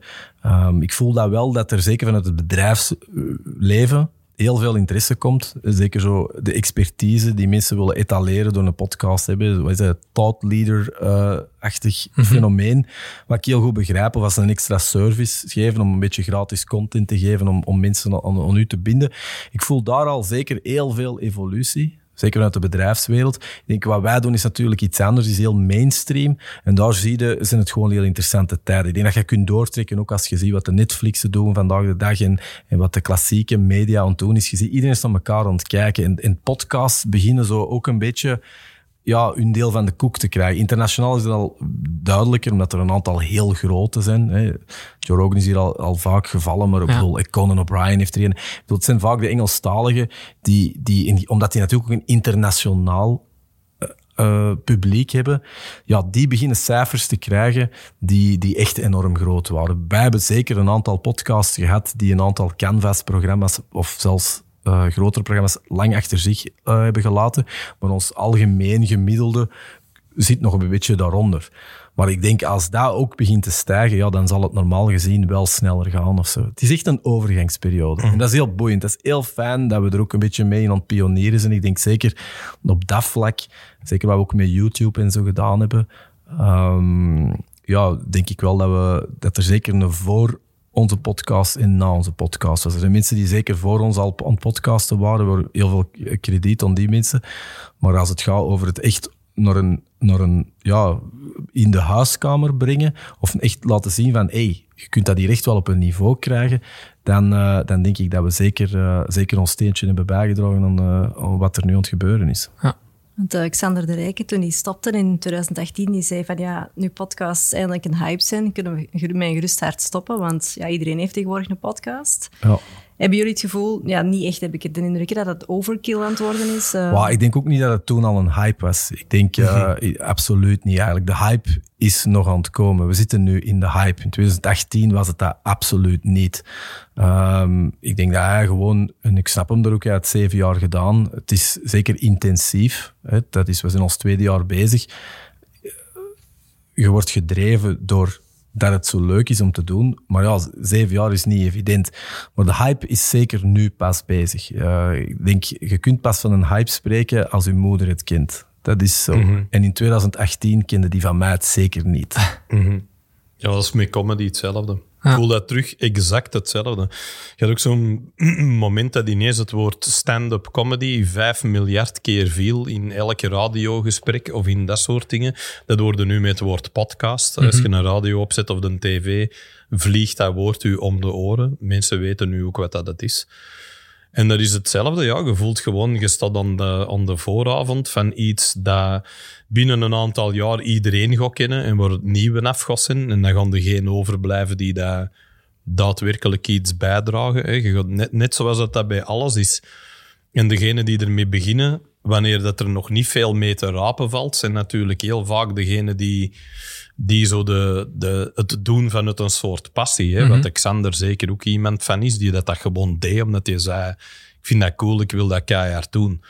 En dat is, um, dat is een hele leuke periode om in te zitten. Maar ik ben ook heel benieuwd naar waar dat deze allemaal nog naartoe gaat. Ja, absoluut. Want dan ja, hebben we dus... het nog niet over de, over de vloggers gehad. Hè? Want ja, wat Xander zeker heeft laten zien, is dat je dat er zeker een, een, publiek al was. Dat er al een niche was. Want hij had het zeker uit, en hij is het nu ook terug wel stilletjes aan meer aan doen, maar was wel zo van, hey, er is zeker een, een, een bodem voor. Absoluut. Maar uh, ik vind bijvoorbeeld een heel interessant gegeven. Hè, wordt hier vaak, hè, we, zijn, hebben zeker behoorlijke cijfers of zo, maar als je dat bijvoorbeeld ligt naast vloggers, hè, dan zeg ik, hè, misschien voor te lachen 18-jarige vloggers bij of zo, dan zijn dat ook soms maar peanut-cijfers. Dus je voelt eigenlijk heel die digitale wereld, dat parallel universum naast klassieke media, waar mensen van onze generatie overduidelijk mee zijn opgegroeid, ja, dat er van alles het gebeuren is. En je ziet dat ook in klassieke media. Dat ze, ik vind niet dat ze per se in paniek zijn, maar je voelt wel dat ze heel, heel hard mee willen springen op die trein. Hè. Radio 1 steekt ook veel geld in podcast. Studio Brussel begint meer en meer een soort alternatief medium te worden. Hè. Dat voelde heel hard. Ze doen dat ook heel sterk. Hè. Heel veel op YouTube aan het zien. Dus, en dat zijn wel dingen, en zo is het vaak. Het vertrekt natuurlijk van het, van het onder, de underground, uh, van het mensen die het op de, inderdaad op de zolderkamertjes doen en daarom dat je echt merkt van, ja, uh, het is echt nu allemaal aan het gebeuren. Maar ja, hebben jullie nog ideeën daar rond of dingen? Nou, ik kan me voorstellen, um, internationale gasten, podcasts in het Engels zou cool zijn, natuurlijk. En de, ja, de chance is, ik ben Engelstalig mm -hmm. opgevoed, dus dat is ook geen probleem. Hè? Dus dat zou niet iets zijn dat, dat ik niet zou kunnen, of dat wij niet zouden kunnen, want we hebben ook ja, wij, hebben ook heel veel in het buitenland gezeten, dus je, je, hebt, je hebt wel dat soort dingen. Het zou natuurlijk tof zijn, want dat is een beetje terugkomen op uw vraag dat je er straks stelde, van wie zouden allemaal willen hebben, dat je kon kiezen. Ja, tuurlijk zou ik het ook leuk vinden om, uh, om buitenlandse gasten te hebben die je daar kunt hebben zitten, maar dat is... Dat is zoiets waar ik van denk, ja, als dat, als dat gebeurt of de, de, de mogelijkheid doet zijn eigen voor. Ja dan zullen we er zeker geen nee op zeggen. Hè? Dat is absoluut geen probleem. Want heel veel van de cijfers en de dingen die, we, die je bespreekt, dat je praat over een Joe Rogan, maar weer of zo iemand, ja, het is ook een numbers game natuurlijk. Hè? Wij leven in een land met veel minder mensen. Dat, het taalgebied is ook al veel kleiner. Ja. Dus, dus om, om meteen van zo van die, om nu de overstap te maken van wat wij doen naar we hebben hem verkocht voor 20 miljoen euro, zal misschien nog niet direct gaan gebeuren binnen de komende twee jaar. Maar dat wil ook niet zeggen dat dat nooit zo kan zijn. Ja, klopt. Of zo. Hè? En je moet natuurlijk ook altijd die mogelijkheid voor jezelf openlaten om dat te kunnen doen. Ja. En met die underground, ja, dat is exact wat dat eigenlijk heel mijn in zijn leven min of meer is geweest. Wij hebben altijd ergens in gezeten waar een groepje mee begonnen is, zo een groepje gestoorde mensen dat zeggen, fuck it, wij gaan dat doen. En dan groeit dat uit tot iets. Ja. Al is het de muziek waar wij naar luisterden of zelf maakten, tot, tot, tot, de, tot de comedy, tot podcasten, tot alle dingen die ons eigenlijk aantrekken, zijn meestal dingen waar dat een hele sterke DIY-spirit in zit. Hè. Ja. Doe dat zelf. Want hoe meer dat ik persoonlijk bijvoorbeeld samengewerkt heb met veel mensen, je merkt altijd van, ah, het is toch niet wat ik wou. Of het begint met een goed idee, maar als er te veel mensen aan boord komen, dan zit je heel vaak, eh, ik kan op, op, op, ik heb niet genoeg handen en voeten om op te tellen hoeveel fantastische brainstorms ik heb meegemaakt. Die zijn geëindigd op een heel, heel zwak eindproduct. Waar je van denkt, dat is eigenlijk niet waar dat wij over begonnen. Terwijl wat, dat, wat dat wij maken, dat is letterlijk wat een Andries zei, dat is die e-mail waar het dat allemaal mee begonnen is. Zeg, als we nu dat... Ja, dat was het. Ja. En dat is het. En niet onbelangrijk, hey, de numbers game is, is leuk, als fan. Eh, het zal ook een reden zijn waarom, dat we, hey, waarom dat je soms wordt gevraagd voor dingen zoals dit of zo, maar laat dat ook nooit een reden zijn of, of de, de, het doel zijn, die cijfers. Want dan, dan gaat het ook ongelukkig worden. Eh, in het begin was dat ook niet zo, maar dat plezier was er wel onmiddellijk. Ja. Het is ook maar een nummertje. Het Ja. gaat, eh, en ik heb dat nogal tegen mensen gezegd. Als je ergens in gelooft, en, en dat klinkt heel bond zonder naam of zo, maar als je, als je die routine erin kunt houden, dat gaat stijgen. En dat maakt niet uit hoeveel dat, dat. Dat is eigenlijk het toffe, dat zien groeien. Ja. Het is, je maakt je eigen community. Dat is ook een van de redenen waarom dat ik, dat ik eigenlijk ook vind dat, dat ik snap waarom het bedrijfsleven, en zeker slimme bedrijven, zoals hier duidelijk ook, dat je ermee bezig bent. Omdat dat is, je, je, je kunt je community bouwen. En dat is eigenlijk wat leven is. Hè. Of dat dat nu honderdduizenden mensen zijn, of, of alles draait om een netwerk, alles draait om die connectie te maken. En dat is, eh, dat is een woord, dat is een heel, ja, ook een beetje een hol woord dat in veel van die boeken terugkomt, maar nergens zo oprecht als, als, als in podcast. Ja. Klopt. Ja, en het feit dat je inderdaad ook het... het eh, Allee, wat jij de- wat jij er straks ook zei, van een cijfer mag, mag, mag niet een drijfveer worden. Ja, succes eigenlijk ook niet. Want dat is een heel, dat is een heel verslavend ding. Hè. Je, je doet iets, dat wordt succesvol en dan ga je de rest van je leven krampachtig proberen van je eraan vast te houden. Maar de reden waarom het zo succesvol geworden is, was omdat je in het begin niet bezig was met dat succes. En dat is heel moeilijk, hè? want uiteraard laat u altijd leiden door dingen. Als wij weken na elkaar uitkomen en je staat op nummer één en dat is één week niet, dan denk je al, huh, wat is er hier gebeurd? En dan begin je... Maar eigenlijk moet je ook voor jezelf blijven volhouden van, ja, maar dat, dat doet er niet toe. Zo, want dat maakt het niet leuker of minder leuk. Nee. Zolang dat jij probeert van altijd het beste te kunnen maken wat dat jij maakt, gaat dat ook lukken. En ik heb er ook een theorie over. Want ze zeggen vaak, hè, je hebt zo mensen die zeggen van ja, eh, ik doe maar wat onnozele jobjes totdat het ding komt waar dat ik van zeg, ja, en hier ga ik ervoor. Hè. Dat soort mensen die zullen nog altijd mijn koffie aan het inschenken zijn wanneer ik 60 ben. Want dat is een mentaliteit. Ik heb veel belachelijke jobs gedaan vroeger. Hè. Maar ik deed die altijd goed. Zo, als ik kom als ik iemand moest bedienen in een café, dan schreef ik dat op. Dan kregen die wat dat die besteld hadden. Dan was die koffie niet koud. Dan was ik dat koekje niet vergeten. Al die bar was opgeruimd. Alles stond op zijn plaats. Alles was aangevuld. Dat, is een- dat maakt niet uit wat die job is. Als uw mentaliteit al is dat je naar iemand komt en die komt aan tafel, zal het zijn? Die schrijft niet op wat dat je wilt. De helft brengt hem niet. De andere helft is een half uur te laat. Trust me, als die persoon tegen mij zegt, ik ben bezig met een project, maar als dat ervan komt, dan denk ik, ja, dan wordt dat ook niks. Want dat is een mentaliteit. Ja. Er is iets dat in u zit. Het stomste dat jij moet doen, hè, als je daar al niet de moeite voor kunt doen, wat de hel zou jij doen voor je droomjob? Ja. Voor het ding waar dat jij zogezegd volledig in gelooft. Ja, dat kost ook werk. Ja. En dat moet ook goed doen. En zolang dat je dat blijft doen, dat is iets dat ze nooit van u kunnen afpakken. Door succes of cijfers, dat kan fluctueren, dat kan aan van alles liggen. Ja, we merkten ook bij de, bij de lockdown dat dat cijfer daalde omdat veel mensen naar ons luisteren als die in een auto op weg naar hun werk zijn of die zitten in de file of dat soort dingen. Maar dat heeft ons geen seconde tegengehouden met te zeggen nee, nee, we gaan er weer een kei goeie maken deze week. Ja. We hebben er een paar geweldige gemaakt. Hè, met een Henk Rijkaard, dat was een onwaarschijnlijke. Er waren er echt heel veel bij dat je denkt van ja, nee, nee, je houdt dat niveau aan. Dat is hetgeen dat ervoor zorgt dat je succes blijft komen. Dat hetzelfde dat ik heb met comedy, waar ik van zeg, ik wil altijd dat mensen onderling blijven discussiëren over wat ze mijn beste show vinden. Maar ik wil nooit dat mensen zeggen, ja, die waren allemaal, maar dan deze was overduidelijk veel slechter. Zo, dat is nooit wat dat je moet hebben. Je moet nooit die een, die een drop in kwaliteit hebben, want daar komt het eigenlijk uiteindelijk altijd vandaan. Ja, dat is waar. En heb je zo voorbeelden van, van ofwel van podcasts of creatieve dingen in het algemeen, dat je zegt van ja, die hebben echt ook heel erg die drive of die gaan er ook volledig voor. Uh, iets dat jullie inspireert misschien zelfs? Uh. ik denk, uh, denk zowat alles dat, dat nu, dat nu goed, goed, goed werkt. Ja, het is, ik vind eigenlijk bij podcasts, het is, ja, jullie doen dat hier, ik zie dat ook wel, dat kost ook tijd mee bezig. Het volhouden, het blijven doen, daar zit wel al een deel van de beloning in. Dus eigenlijk, zeker langdurige podcasts, zal ik altijd wel, er zal altijd wel iets van die elementen dat Alex net heeft opgesomd inzitten. Want anders doet het niet.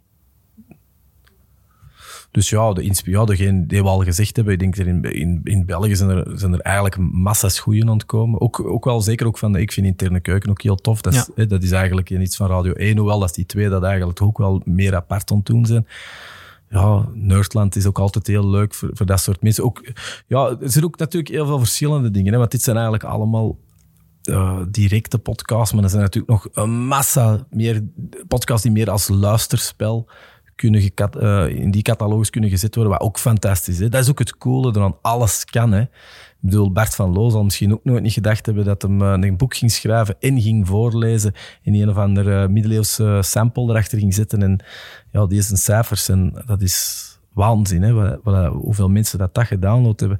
Ja, dat is toch ongelooflijk. Dat eigenlijk geschiedenis, en een geschiedenis dat nog niet eens de meest fascinerende geschiedenis op papier van, van onze voorvaderen, dat dat zo'n commercieel succes kan worden. Dat had nooit gelukt, denk ik. Moest dat op, op, op, op, op canvas of zo geweest zijn. Ja. Dat kan alleen maar lukken in een, in, in een medium dat zo vrij is als, als podcast. Mm -hmm. Nou, je moet nergens door, hè. Je moet niet, als je een idee hebt, uh, het gaan pitchen tegen iemand nee. en hopen dat het goedgekeurd wordt. Je doet dat gewoon. En dat is hetgeen dat ook altijd uh, ja, een klein beetje het probleem is, vaak geweest um, in het verleden ook met, met klassieke media, is dat je vaak van die dingen hoort als ja, daar is Vlaanderen niet klaar voor, of daar is geen publiek voor. En dan denk je, wat ik vaak heb gehoord met longform interviews, hè, wat ze nu bijvoorbeeld wel doen met ja, alleen Elvis blijft bestaan Ja. of zo, maar dat ligt dan ook altijd meteen direct in die, eh, in die, in die iets kunstigere hoek en dan moet dat altijd dat zijn. Hè, terwijl dat ik ook denk van, ja, Kate Ryan bijvoorbeeld, dat is iemand die 100 miljoen streams heeft en veel in het buitenland speelt. En die, komt, die staat nooit in een of ander salonfähig muziekblad. Hè. Maar een band die dat dan in Londen gaat spelen voor twee man in een café die ze cool vinden, daar zeggen ze van, ah, de internationale carrière. Terwijl ik vind dat gewoon ook heel leuk om zo van die mensen daar te zetten. Die echt verhalen hebben, hè. die echt kunnen zeggen, ja, vorig, vorig weekend was het 20.000 man in Polen. En dan denk je, ja, dat is, dat is niet iedereen dat dat kan zeggen. Nee, nee, klopt. En dat zijn allemaal dingen die, die, waar, waar je vaak van hoort op tv. Ja, die persoon toch niet. Dat is toch niet hetgeen dat mensen willen zien. Mensen willen dat zien. Mensen willen eigenlijk heel vaak, en dat, dat is niet om arrogant te klinken, want ik heb dat zelf ook al zelf genoeg meegemaakt. Je weet vaak niet wat dat je wilt zien totdat je het ziet. En dat je dan denkt, oh, maar ja, ik vind dit fantastisch. Wie had ooit gedacht dat ik dat, ik dat hier geweldig ging vinden? Maar als niemand het u aanbiedt, zult het inderdaad nooit weten. En dan komt er natuurlijk altijd alleen maar terecht in die pool van altijd hetzelfde. Ja. En dat is het toffe aan, aan het laagdrempelige van, van podcasten, is dat je mensen dingen kunt laten doen. Of vloggen ook, hè. Vloggers, wie had ooit gedacht dat uw kind... Je zou het eigenlijk al moeten kunnen weten dat die het uitpakken van een cadeau als klein kind leuker vonden dan het cadeau zelf. En nu hebben heel de vlogs van jonge mensen die dingen uitpakken. En die kijken er naar en die vinden dat fantastisch. En dat heeft miljoenen views. Ja. Maar hadden dat ooit gepitcht aan de VRT of aan VTM of noem het maar op. En die hadden gezegd, hè, wat? Ja, Zo, of, wie is daar nu in geïnteresseerd? ja, of andere mensen zien gamen. Bijvoorbeeld. Ja. Hè, of een tv zien kijken en Ja. commentaar geven op een tv-programma. Dat zo. En je merkt dat tv op den duur beginnen die dat soort dingen ook te doen. Maar heel vaak komen dat soort ideeën van een of andere gast met een YouTube-kanaal. hè. Ja. Hebben jullie met dat succes nu van de podcast, want dat longform interview enzovoort, zijn er dan sindsdien nog altijd geen ideeën, vragen gekomen om dat dan ook naar een breed publiek type tv te brengen, of zelfs talkshow, of zelfs roadshow, of ik weet het niet. Of zeg je van, dat willen we ook helemaal niet, dat willen we willen net de, het unieke aan dat medium behouden? We hebben zeker al wel gesprekken gevoerd daarover. Ja. ja, maar er is tot op van de dag, de dag nog niet echt iets gekomen waarvan dat we van ons sokken werden geblazen. Ja. En zoiets hadden van... We hebben zeker aanbiedingen gekregen die een deel de onafhankelijkheid van de podcast misschien wel in gevaar zouden Ja. gebracht hebben. Waar dat we niet echt op in zijn gegaan. Of voorlopig nog niet. Ik denk, ook- dat is ook het ding, we sluiten dat ook niet uit, maar het moet gewoon goed voelen. Eh, er is ook zoiets... Het is ook nog altijd, en dat is misschien een woord dat nog niet echt gevallen is vandaag of zo, maar het is ook gewoon heel leuk om dat te doen. Dat is echt heel, heel, heel, heel leuk om te doen. En ik zou dat, en ik denk dat ik wel voor ons met twee mag spreken, ik zou dat ook heel hard missen. En eh, ik denk ook niet dat je in je leven zo vaak iets tegenkomt of een idee hebt dat A, marcheert en B, ook nog eens leuk is. Dan moet er zuinig op zijn. De kans dat je dat nog eens gaat hebben, of dat de sterren zo gaan staan, of de, de omstandigheden, daar moeten niet kwistig mee zijn. En, en voorlopig hebben we toch alleen maar dingen doorgekregen die, dan die niet de moeite waren. En die ook geen 100 miljoen waren, voor alle duidelijkheid. Want dan zou ik natuurlijk Dan, wel eh, doen. dan, eh, dan eh, verkopen wij onze ziel op twee seconden tijd. maar het is wel waar, ja. Je, je, je voelt gewoon heel vaak, en dat is wel het goede, dan ook al wat ouder zijn en wat meer dingen hebben meegemaakt, eh, dat, dat wij ook allebei heel hard weten, is die stap gaat u dat echt zoveel meer opleveren dan hetgeen dat je eigenlijk al hebt. En dat is, dat, is een, dat is een ding dat je nooit mocht vergeten. Zo. Het is, het is, wat, het is wat, wat hier ook net weer allemaal gezegd is. Het is gewoon superleuk. En als het voor mij stopt met leuk te zijn, want het wordt... Het, er gaan allerlei dingen bijkomen waar ik van denk, maar dat wouden wij helemaal niet doen. Ik zie onszelf nog wel eens een keer iets doen, bijvoorbeeld met twee voor een klassieker medium als duo van wie dat wij zijn. hè. Dat ze zeggen, ja, die twee gaan we dat laten doen. Dat lijkt mij hè, geen enkel probleem mee. Dat is misschien iets als dat cool klinkt en, en het is een concept waar we ons eigen allebei in kunnen vinden. Willen we dat wel doen? We hadden ook al wel wat ideeën. We hebben zo ook al eens wat beelden opgenomen voor een reportage die we nog niet hebben gemaakt. Maar iets dat we wel dachten van, oh, daar kun misschien wel eens iets mee gaan doen. Of je kunt al eens die richting uitgaan. Dat je zo'n soort bijna korte video, docu mokt of zoiets. Maar dat zijn ook allemaal dingen die wel zullen komen wanneer dat ze komen. Zo, je, je zult wel voelen wanneer de tijd daar rijp voor is, of wanneer het moment zijn eigen aanbiedt en je denkt, ah ja, hier kunnen we dat gebruiken, of hier, dat zit in uw achterzak. Je weet dat je dat hebt. Ja, het is ook een basis. Het is echt zo. Allee, natuurlijk, bij hem is dat anders, maar voor mij is dat op dat moment ook wel een beetje, eh, ja, hoe zie je dat? De moeder of zo van alles. Alles komt heel veel dingen komen eruit voort. En daar zijn we zeker in geïnteresseerd. Maar je mocht aan die basis niet, niet, niet komen. Dat is, eh, het heeft zoveel deuren geopend, zowel op, ja, natuurlijk op professioneel vlak, maar natuurlijk ook gewoon, je moet dat ook niet, niet onderschatten. Je leert je netwerk, nog zo'n eh, fantastisch zakelijk woord, maar ja, de verbreding van je netwerk is natuurlijk waanzin. Eh, dat is, eh, en dat heeft natuurlijk een zakelijke kant en dat is tof, maar dat heeft ook gewoon een menselijke kant. En dat is ook heel leuk. Je wordt er ook gewoon, ik kan ook echt zeggen van, ja, ik ben ook veel veel slimmer, is dat woord? Of in ieder geval, nee, slimmer. Ik ben wel veel slimmer geworden. Gewoon omdat je krijgt zoveel verhalen, je krijgt inspiratie, uh, goede en slechte. Ja, je wordt inderdaad ook verplicht om soms dingen te lezen. Hè. Ik bedoel, laten we een kat een kat noemen. Ik had ook niet gedacht dat ik van het weekend uh, 300 pagina's uh, milieueconomie ging lezen had ik anders waarschijnlijk niet gedaan. Nee, nee, want je hebt die boeken misschien soms staan hè, in het moment dat je je eigen eens een beetje denkt, ach, ik ga mij daar eens in verdiepen. En dan staat dat in je boekenkast stof te trekken. Maar als je de auteur erover moet spreken de week erop... Dat is, erger, dat is erger dan een examen natuurlijk. Ja. Dus, uh, met, met, wat, met wat boekbesprekingen online kunnen niet. Maar dat is wel tof, want anders mhm. zou het gewoon niet gedaan hebben. En dat past ook wel een beetje in dat, die deadline dat je zelf geeft, die gasten dat je geeft, het engagement dat je geeft, maar je krijgt er zoveel voor terug. En dat is met alles zo. Als je zoveel terugkrijgt, ja, dan voelt het, hallo cliché, incoming, maar dan voelt het ook niet echt als, als werk of als iets, als iets, ja, iets vervelend. Ja, oké. Naast heel het podcast, comedy, uh, uh, andere dingen, werk, wat, uh, wat zijn dingen waar jullie zich mee bezighouden, hobby's dat jullie graag doen, dat je zegt, dat vult de rest van mijn week? Kom on, Andries. Wat doe jij zo allemaal in uw vrije tijd? Uh, die twee minuten dat jij het in de week, is, ja. wat doe je dan? ik, uh, ik moet niet klagen als, uh, als freelancer, als zelfstandige, maar ik heb inderdaad niet meer zo heel veel vrije tijd, maar gelukkig wel allemaal dingen die ik heel leuk vind.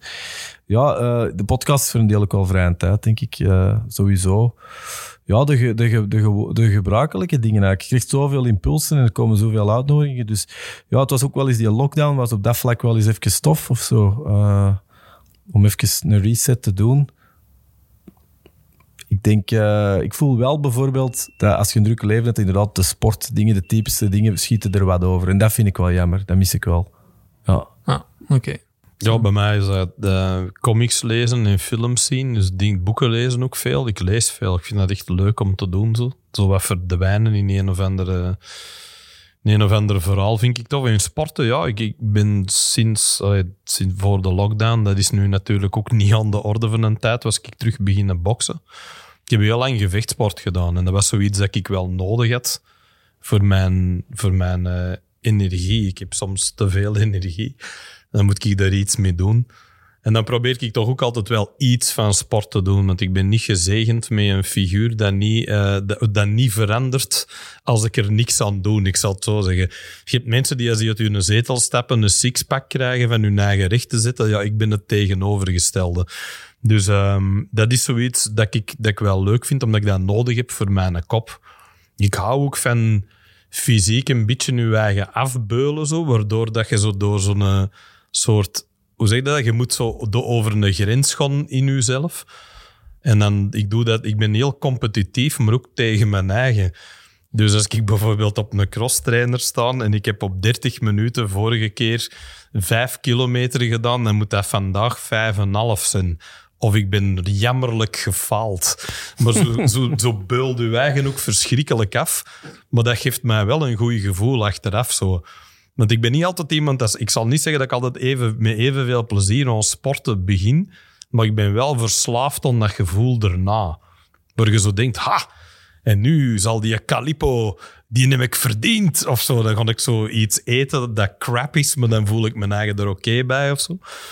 Dus dat is het wel. Dat zijn vooral de dingen waar ik denk ik mijn eigen mee bezig hou. Um, koken, ja, daar word ik rustig van. Ja, juist. Jij bent een koker, Koken, ja. ja. Daar word ik rustig van, ja. Dat is ook wel tof, ja. Jij kunt dat ook goed. Ja. Ja. ja. Dat heb ik ook later een leeftijd ontdekt. Koken. ja zo dat mee bezig zijn, zo die groentjes snijden, zo dat, dat, zo dat klein, zo, zo, zo'n ajuintje snijden. Of zo. Dat, vind ik, dat zijn zo mijn zinmomentjes. Zo.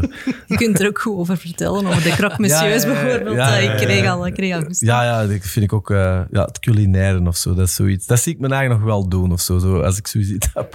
Ik ben meer een eter dan een koker. Ik ben die ene die met plezier opeet wat dat hij kookt. Dat vind ik allemaal wel heel tof, maar uh, zelf koken doe ik niet zo heel vaak. Ik heb een vrouw die goed kan koken. Dus ik, uh, en die dat ook heel graag doet. Dus die dat niet doet omdat, omdat het zo hoort, maar omdat dat gewoon omdat hij dat gewoon graag doet. En dan denk ik ook, ja, weet je, ik zal het wel doen wanneer dat het... Ah, dat zijn een dag heeft dat te druk is en dat ze zegt, kun ga even? En zo, ja, ja, ik doe een van mijn signature drie gerechten die, dat ik, dan, die dat ik dan maak. En dat is het dan. Maar dat is wel zo... Ja, dat is bij mij ik, ik eet wel heel graag. Ja. dat is nog een van mijn problemen. Ik, eet, ik ben eigenlijk En niet dat zo... vlak, op dat vlak is ons engagement ook altijd heel. Dat doen we ook echt eh, op geregelde tijdstippen. Ja, we zijn eh, er ja. wel goed in, Ja, ook in eten. We hebben ook, zo'n vriendenkring. Zo. We hebben zo een paar gasten, want we hebben ook zo'n groepje. Dat is zo'n hele goede maat van ons, en de William Boeva. Ik en de Andries en soms ook de Bas Birker. Maar wij zijn zo die gasten die, die zo zeggen: ah ja, de William is zo'n ster in zo'n plekken ontdekken die niet. Hoe moet je dat zeggen? Dat is niet zo. We gaan, we gaan eten bij de Jane of we gaan Nee. eten bij. Nee, die kent zo een of andere kate in Rijmenam. Waar ze de beste ribben aller tijden maken. Maar dat is ook al wat die maken. Zo dat, of, of, of zo P-klak. Juist. Zo'n ja. restaurant waar ze alleen maar spaghetti bolognese maken. Maar dat is wel keigoed. Ja. En ik vind Wij dat ook... zijn, eh, wij zijn meesters in zo het eh, alledaagse op een heel serieuze manier eh, te doen. Of zo. Dat is- ik denk dat wij vooral daar heel goed in zijn. Zo heel, Ja. heel diep ingaan op eh, de dingen des levens. Ja, zo de, zeg je dat? Zo een enorme diepgang op iets heel oppervlakkig. Ja. Zo, maar er wel vol een bak voor gaan. Zo. En ook veel te veel eten dan. En ook allemaal klagen achteraf. Maar wel zo met een gevoel van... Dat was echt heel leuk. Ja. Zo. Dit, het moet, moet vooral leuk blijven. Dat is iets dat ik, al- dat ik altijd heel tof vind. Zo het, het, het nuttige aan het aangename combineren. Ja, Ja. oké. Laatste vraag. De... Ja, we sluiten er altijd mee af. Eh, Oké.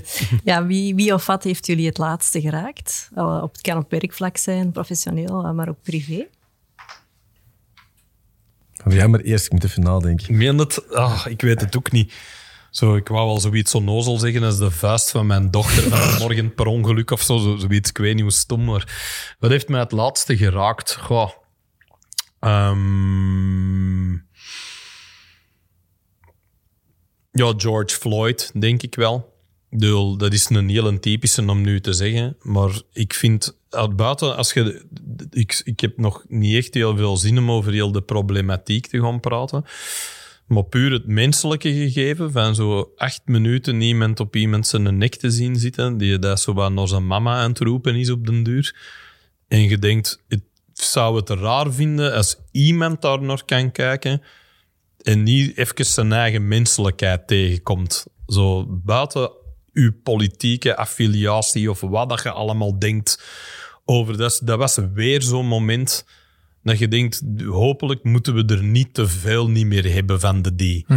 Zo, want ik begin nu, begrijp de mensen hun kwaadheid wel of zo. En misschien zijn we daar rijkelijk laat mee, hè, want in, in Amerika circuleren zo honderden van die video's dat Ja. je denkt van, hè, zo, dat soort brutaliteit naar mensen toe. En dat gaat totaal niet over... over ehm, er is zelfs ook geen stelling inname ten opzichte van de politie, want dat is ook niet de politie. Dat is een foute gast, hè. Ja, zeker, zeker in iets hier, hè. Ja. Zeker in een maatschappij zoals die van ons. Hè. Ik bedoel, ik bedoel ja, je moet ook niet de beelden uit Jemen nu zien of zo. Nee. Want dat is eigenlijk honderdduizenden malen erger. Maar in een wereld waarin dat wij zitten, waar we de Verenigde Staten wel tot... Allee, dus dezelfde soort wereld zitten, was dat onaanvaardbaar eigenlijk.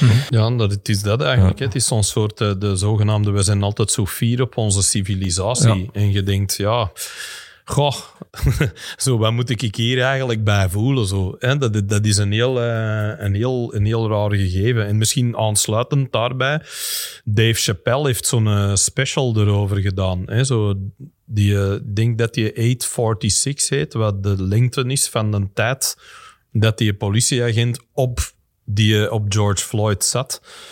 En eh, dat is een oprecht stukje kwaadheid dat je daar ziet. Want die vergeet zelfs de helft van de tijd om grappig te zijn. Wat hem ook wel benoemt. Daar is dan wel een comedian voor, dat hem zelf doorheeft van oké, dat is hier even heel serieus. Hij is ook een klein beetje aangeschoten, heb ik het gevoel. Dus je, je voelt dat er zo'n soort bijna rauwe emotionaliteit aan zit.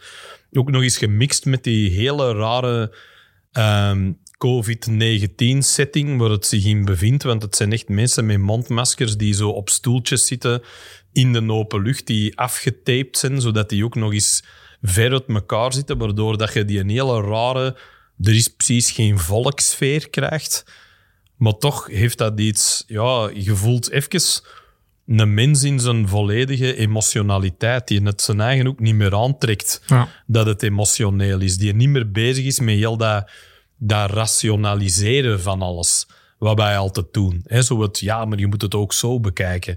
Zo, je ziet gewoon iemand even zijn, zijn, eh, hoe zeg je dat, zijn, zijn vel eraf pellen en zijn zenuwen blootleggen. En dat was ook wel iets indrukwekkend om naar te kijken. Hè? Om, om van te zeggen, ja, oké, deze was wel een stukje oprechte emotionaliteit. Of Ja. dat je er nu fan van zit of niet, dat doet er eigenlijk niet toe. Deze is wel echt. Zo, er- hier zat geen fake entertainment aan. Hier was echt zoiets dat je denkt, ja, ja je zit ook geen moeite niet meer aan het doen om funny te zijn nu. Hè, man, Nee, je zegt gewoon kwaad. En ja, dat, daar hou ik soms ook wel eens van. Ja. Dat je voelt van, oké, zo, je, je voelt dat wel even binnenkomen. Zo. Ja. Ah, ja, ik sluit me daarbij aan. Ja, bij mij persoonlijk, ja, mijn vrouw is zwaar ziek geweest, is goed afgelopen, maar deze week of zo, ja, eh, iemand dat ik al redelijk goed ken, waar dat dan het niet goed afloopt en dan zijn echtgenote moet begraven of zo, ja, dat, dat komt dan wel binnen. En, en eh, wat ik er wel, wel, ja, wat ik dan wel ergens ook heel ontroerend vond, is dat sommige mensen dan, als dat dan dat afscheid er is of zo, dat, ja, zo, eh, het was heel duidelijk dat ze er ook een, een positief einde aan wouden geven. En eigenlijk vooral focussen op de goede jaren dat wel waren en zo. En bijna een ode brengen aan, aan, zijn vrouw of zo. Dat vond ik wel, dat kwam wel binnen. Ook omdat ik op een bepaalde manier er wel enige connectie mee had. Maar dat je dan inderdaad ook ziet, daar kwam zoveel dingen samen wat leven is. Hè. Zo, je moet soms een beetje geluk hebben. Sommige mensen hebben pech. En hoe dat wij met verlies omgaan. Hoe dat, dat voor iedereen apart is. En er was daar duidelijk ook heel veel verdriet, maar er was ook vooral heel veel respect en eer voor, voor, die, voor die vrouw en, en, en moeder en echtgenoten. En dat kwam wel binnen of zo. Ik vind wel dat... eh, ik denk dat verlies iets universeel is, maar er zijn echt wel mensen die, ja, die, die, dat, die dat toch ook kunnen vereren of zo. Eh, iets waar wij vaak niet goed in zijn. Hè, Dood is bij ons iets heel, iets heel moeilijk, een taboe bijna. En dat kwam wel binnen. Dat was zoiets dat ik deze week eh, zag. Ja. Ik heb er nog een persoonlijke misschien ook, omdat jij dat juist zegt. Mijn dochterke, hè, die wordt eh 12 volgende maand en die gaat naar het middelbaar. En die zit ook ineens in zo'n mega emotionele periode. En ik moest babbelen met mijn dochter over het feit dat hij voor de eerste keer in haar leven afscheid neemt van een periode in haar leven. Wat ook heel zot is. Want ik stond daar totaal, je staat daar niet meer bij stil, hè, omdat, omdat dat zo lang geleden is. Mijn dochter die naast mij in de auto zit en zegt, ja, ik ga mijn vriendinnetjes missen. Want die gaan allemaal naar een andere school en er zijn er een aantal bij die ze al kent van in de kleuterschool. Hè, Die zo heel dat traject samen doorlopen hebben. En hier stopt het. En die gaan zo allemaal wat hun eigen weg op. En ze zei op een bepaald moment ook, ja, ik denk dat ik, dat ik de die en de die en de die nog wel gaan zien, of dat wij gaan zoeken, maar ik weet het eigenlijk niet. Want wie weet komen die mensen tegen bij u op school die ze leuker vinden of zo, en dan zie ik die niet meer. En ik zeg, ja, en misschien kom jij ook mensen tegen die je leuker vindt. Zeg maar, dat, dat is iets dat je, je kunt dat, je, je probeert dat zo filosofisch uit te leggen aan iemand die, die dat nog nooit heeft meegemaakt. Hè? Je kunt, wij kunnen zo heel beschouwend kijken naar het verleden. Van, ach, dat is een periode, maar dan komt er een ander en elke deur die dicht gaat. Er gaat maar voor haar is dat totaal niet. Dat is de eerste keer in haar leven dat die staat voor een hoofdstuk dat ze afsluit. En dat was ook heel zot om, om te zien, dat je toch heel vaak de wereld opnieuw beleeft door je eigen kinderen. Hè? Dat je zo, zo ziet van, nou ja, die zit eigenlijk daar. En soms kun je tegen de puber zeggen, ah, stel je eigen zo niet aan. Maar die voelen dat echt. Voor u lijkt dat gewoon een hoop ah, drama. Maar, maar eigenlijk voor u is dat drama enorm echt. Hè? En dat is zoiets dat je vergeet. Want, want dan zag ik mijn eigen als het terug naar mijn kamer lopen. Niemand in de wereld begrijpt mij. Zo die nonsens. Dat je, want je denkt dat, dat ah, het is allemaal het begin en het einde van de wereld als je iets voelt. Als je die leeftijd hebt. Maar toen ik het zo zag, dacht ik, ik ga proberen van op zijn minst al niet zo wat met een soort, oh, stel u niet aan, mijn vader bij mij altijd deed. Zo dat soort. Dat ik denk, ik wil toch proberen van een beetje nuttiger daarin te zijn. Ja. Dus dat was ook wel iets dat ik van denk, ah ja, zo, dat, dat, dat was meer een soort realisering van, van hoe, hoe, hoe dat het leven u toch elke keer terug zo uw eigen, uw eigen in uw gezicht terugkaatst soms. Dat je denkt van, ah ja, oké, cool. Of dat je iets uit je mond hoort komen en je denkt, oh, dat was mijn vader. Oh, verschrikkelijk. Ja. Dus ja, dat was ook wel, eh, ook wel een momentje eigenlijk. Oké, Ja. oké. Nee. Voilà. Ehm, ja, super bedankt voor eh, het heel eh, fijne gesprek. Eh, wij sluiten nog even af met te zeggen dat eh, onze podcast van Only Humans een maandelijkse podcast is. En voor onze volgende aflevering... krabbers. Ja. Sorry. Ja, ja, wij hebben niet zoveel tijd, maar ehm, voor onze volgende aflevering Ja, hebben wij opnieuw een eh, inspirerende gast weten te strikken die weet wat een sterk merk inhoudt. We gaan met Vic Drezen van Burger King spreken over merkidentiteit, positionering en expansie. Wil je op de hoogte blijven? Abonneer je dan via je favoriete podcast-app. En mocht je dat nog gedaan hebben, luister dan zeker ook naar onze vorige afleveringen. En vergeet ons niet te reviewen en te raten. Zo vinden ook andere luisteraars makkelijk de weg naar deze podcast. Tot de volgende.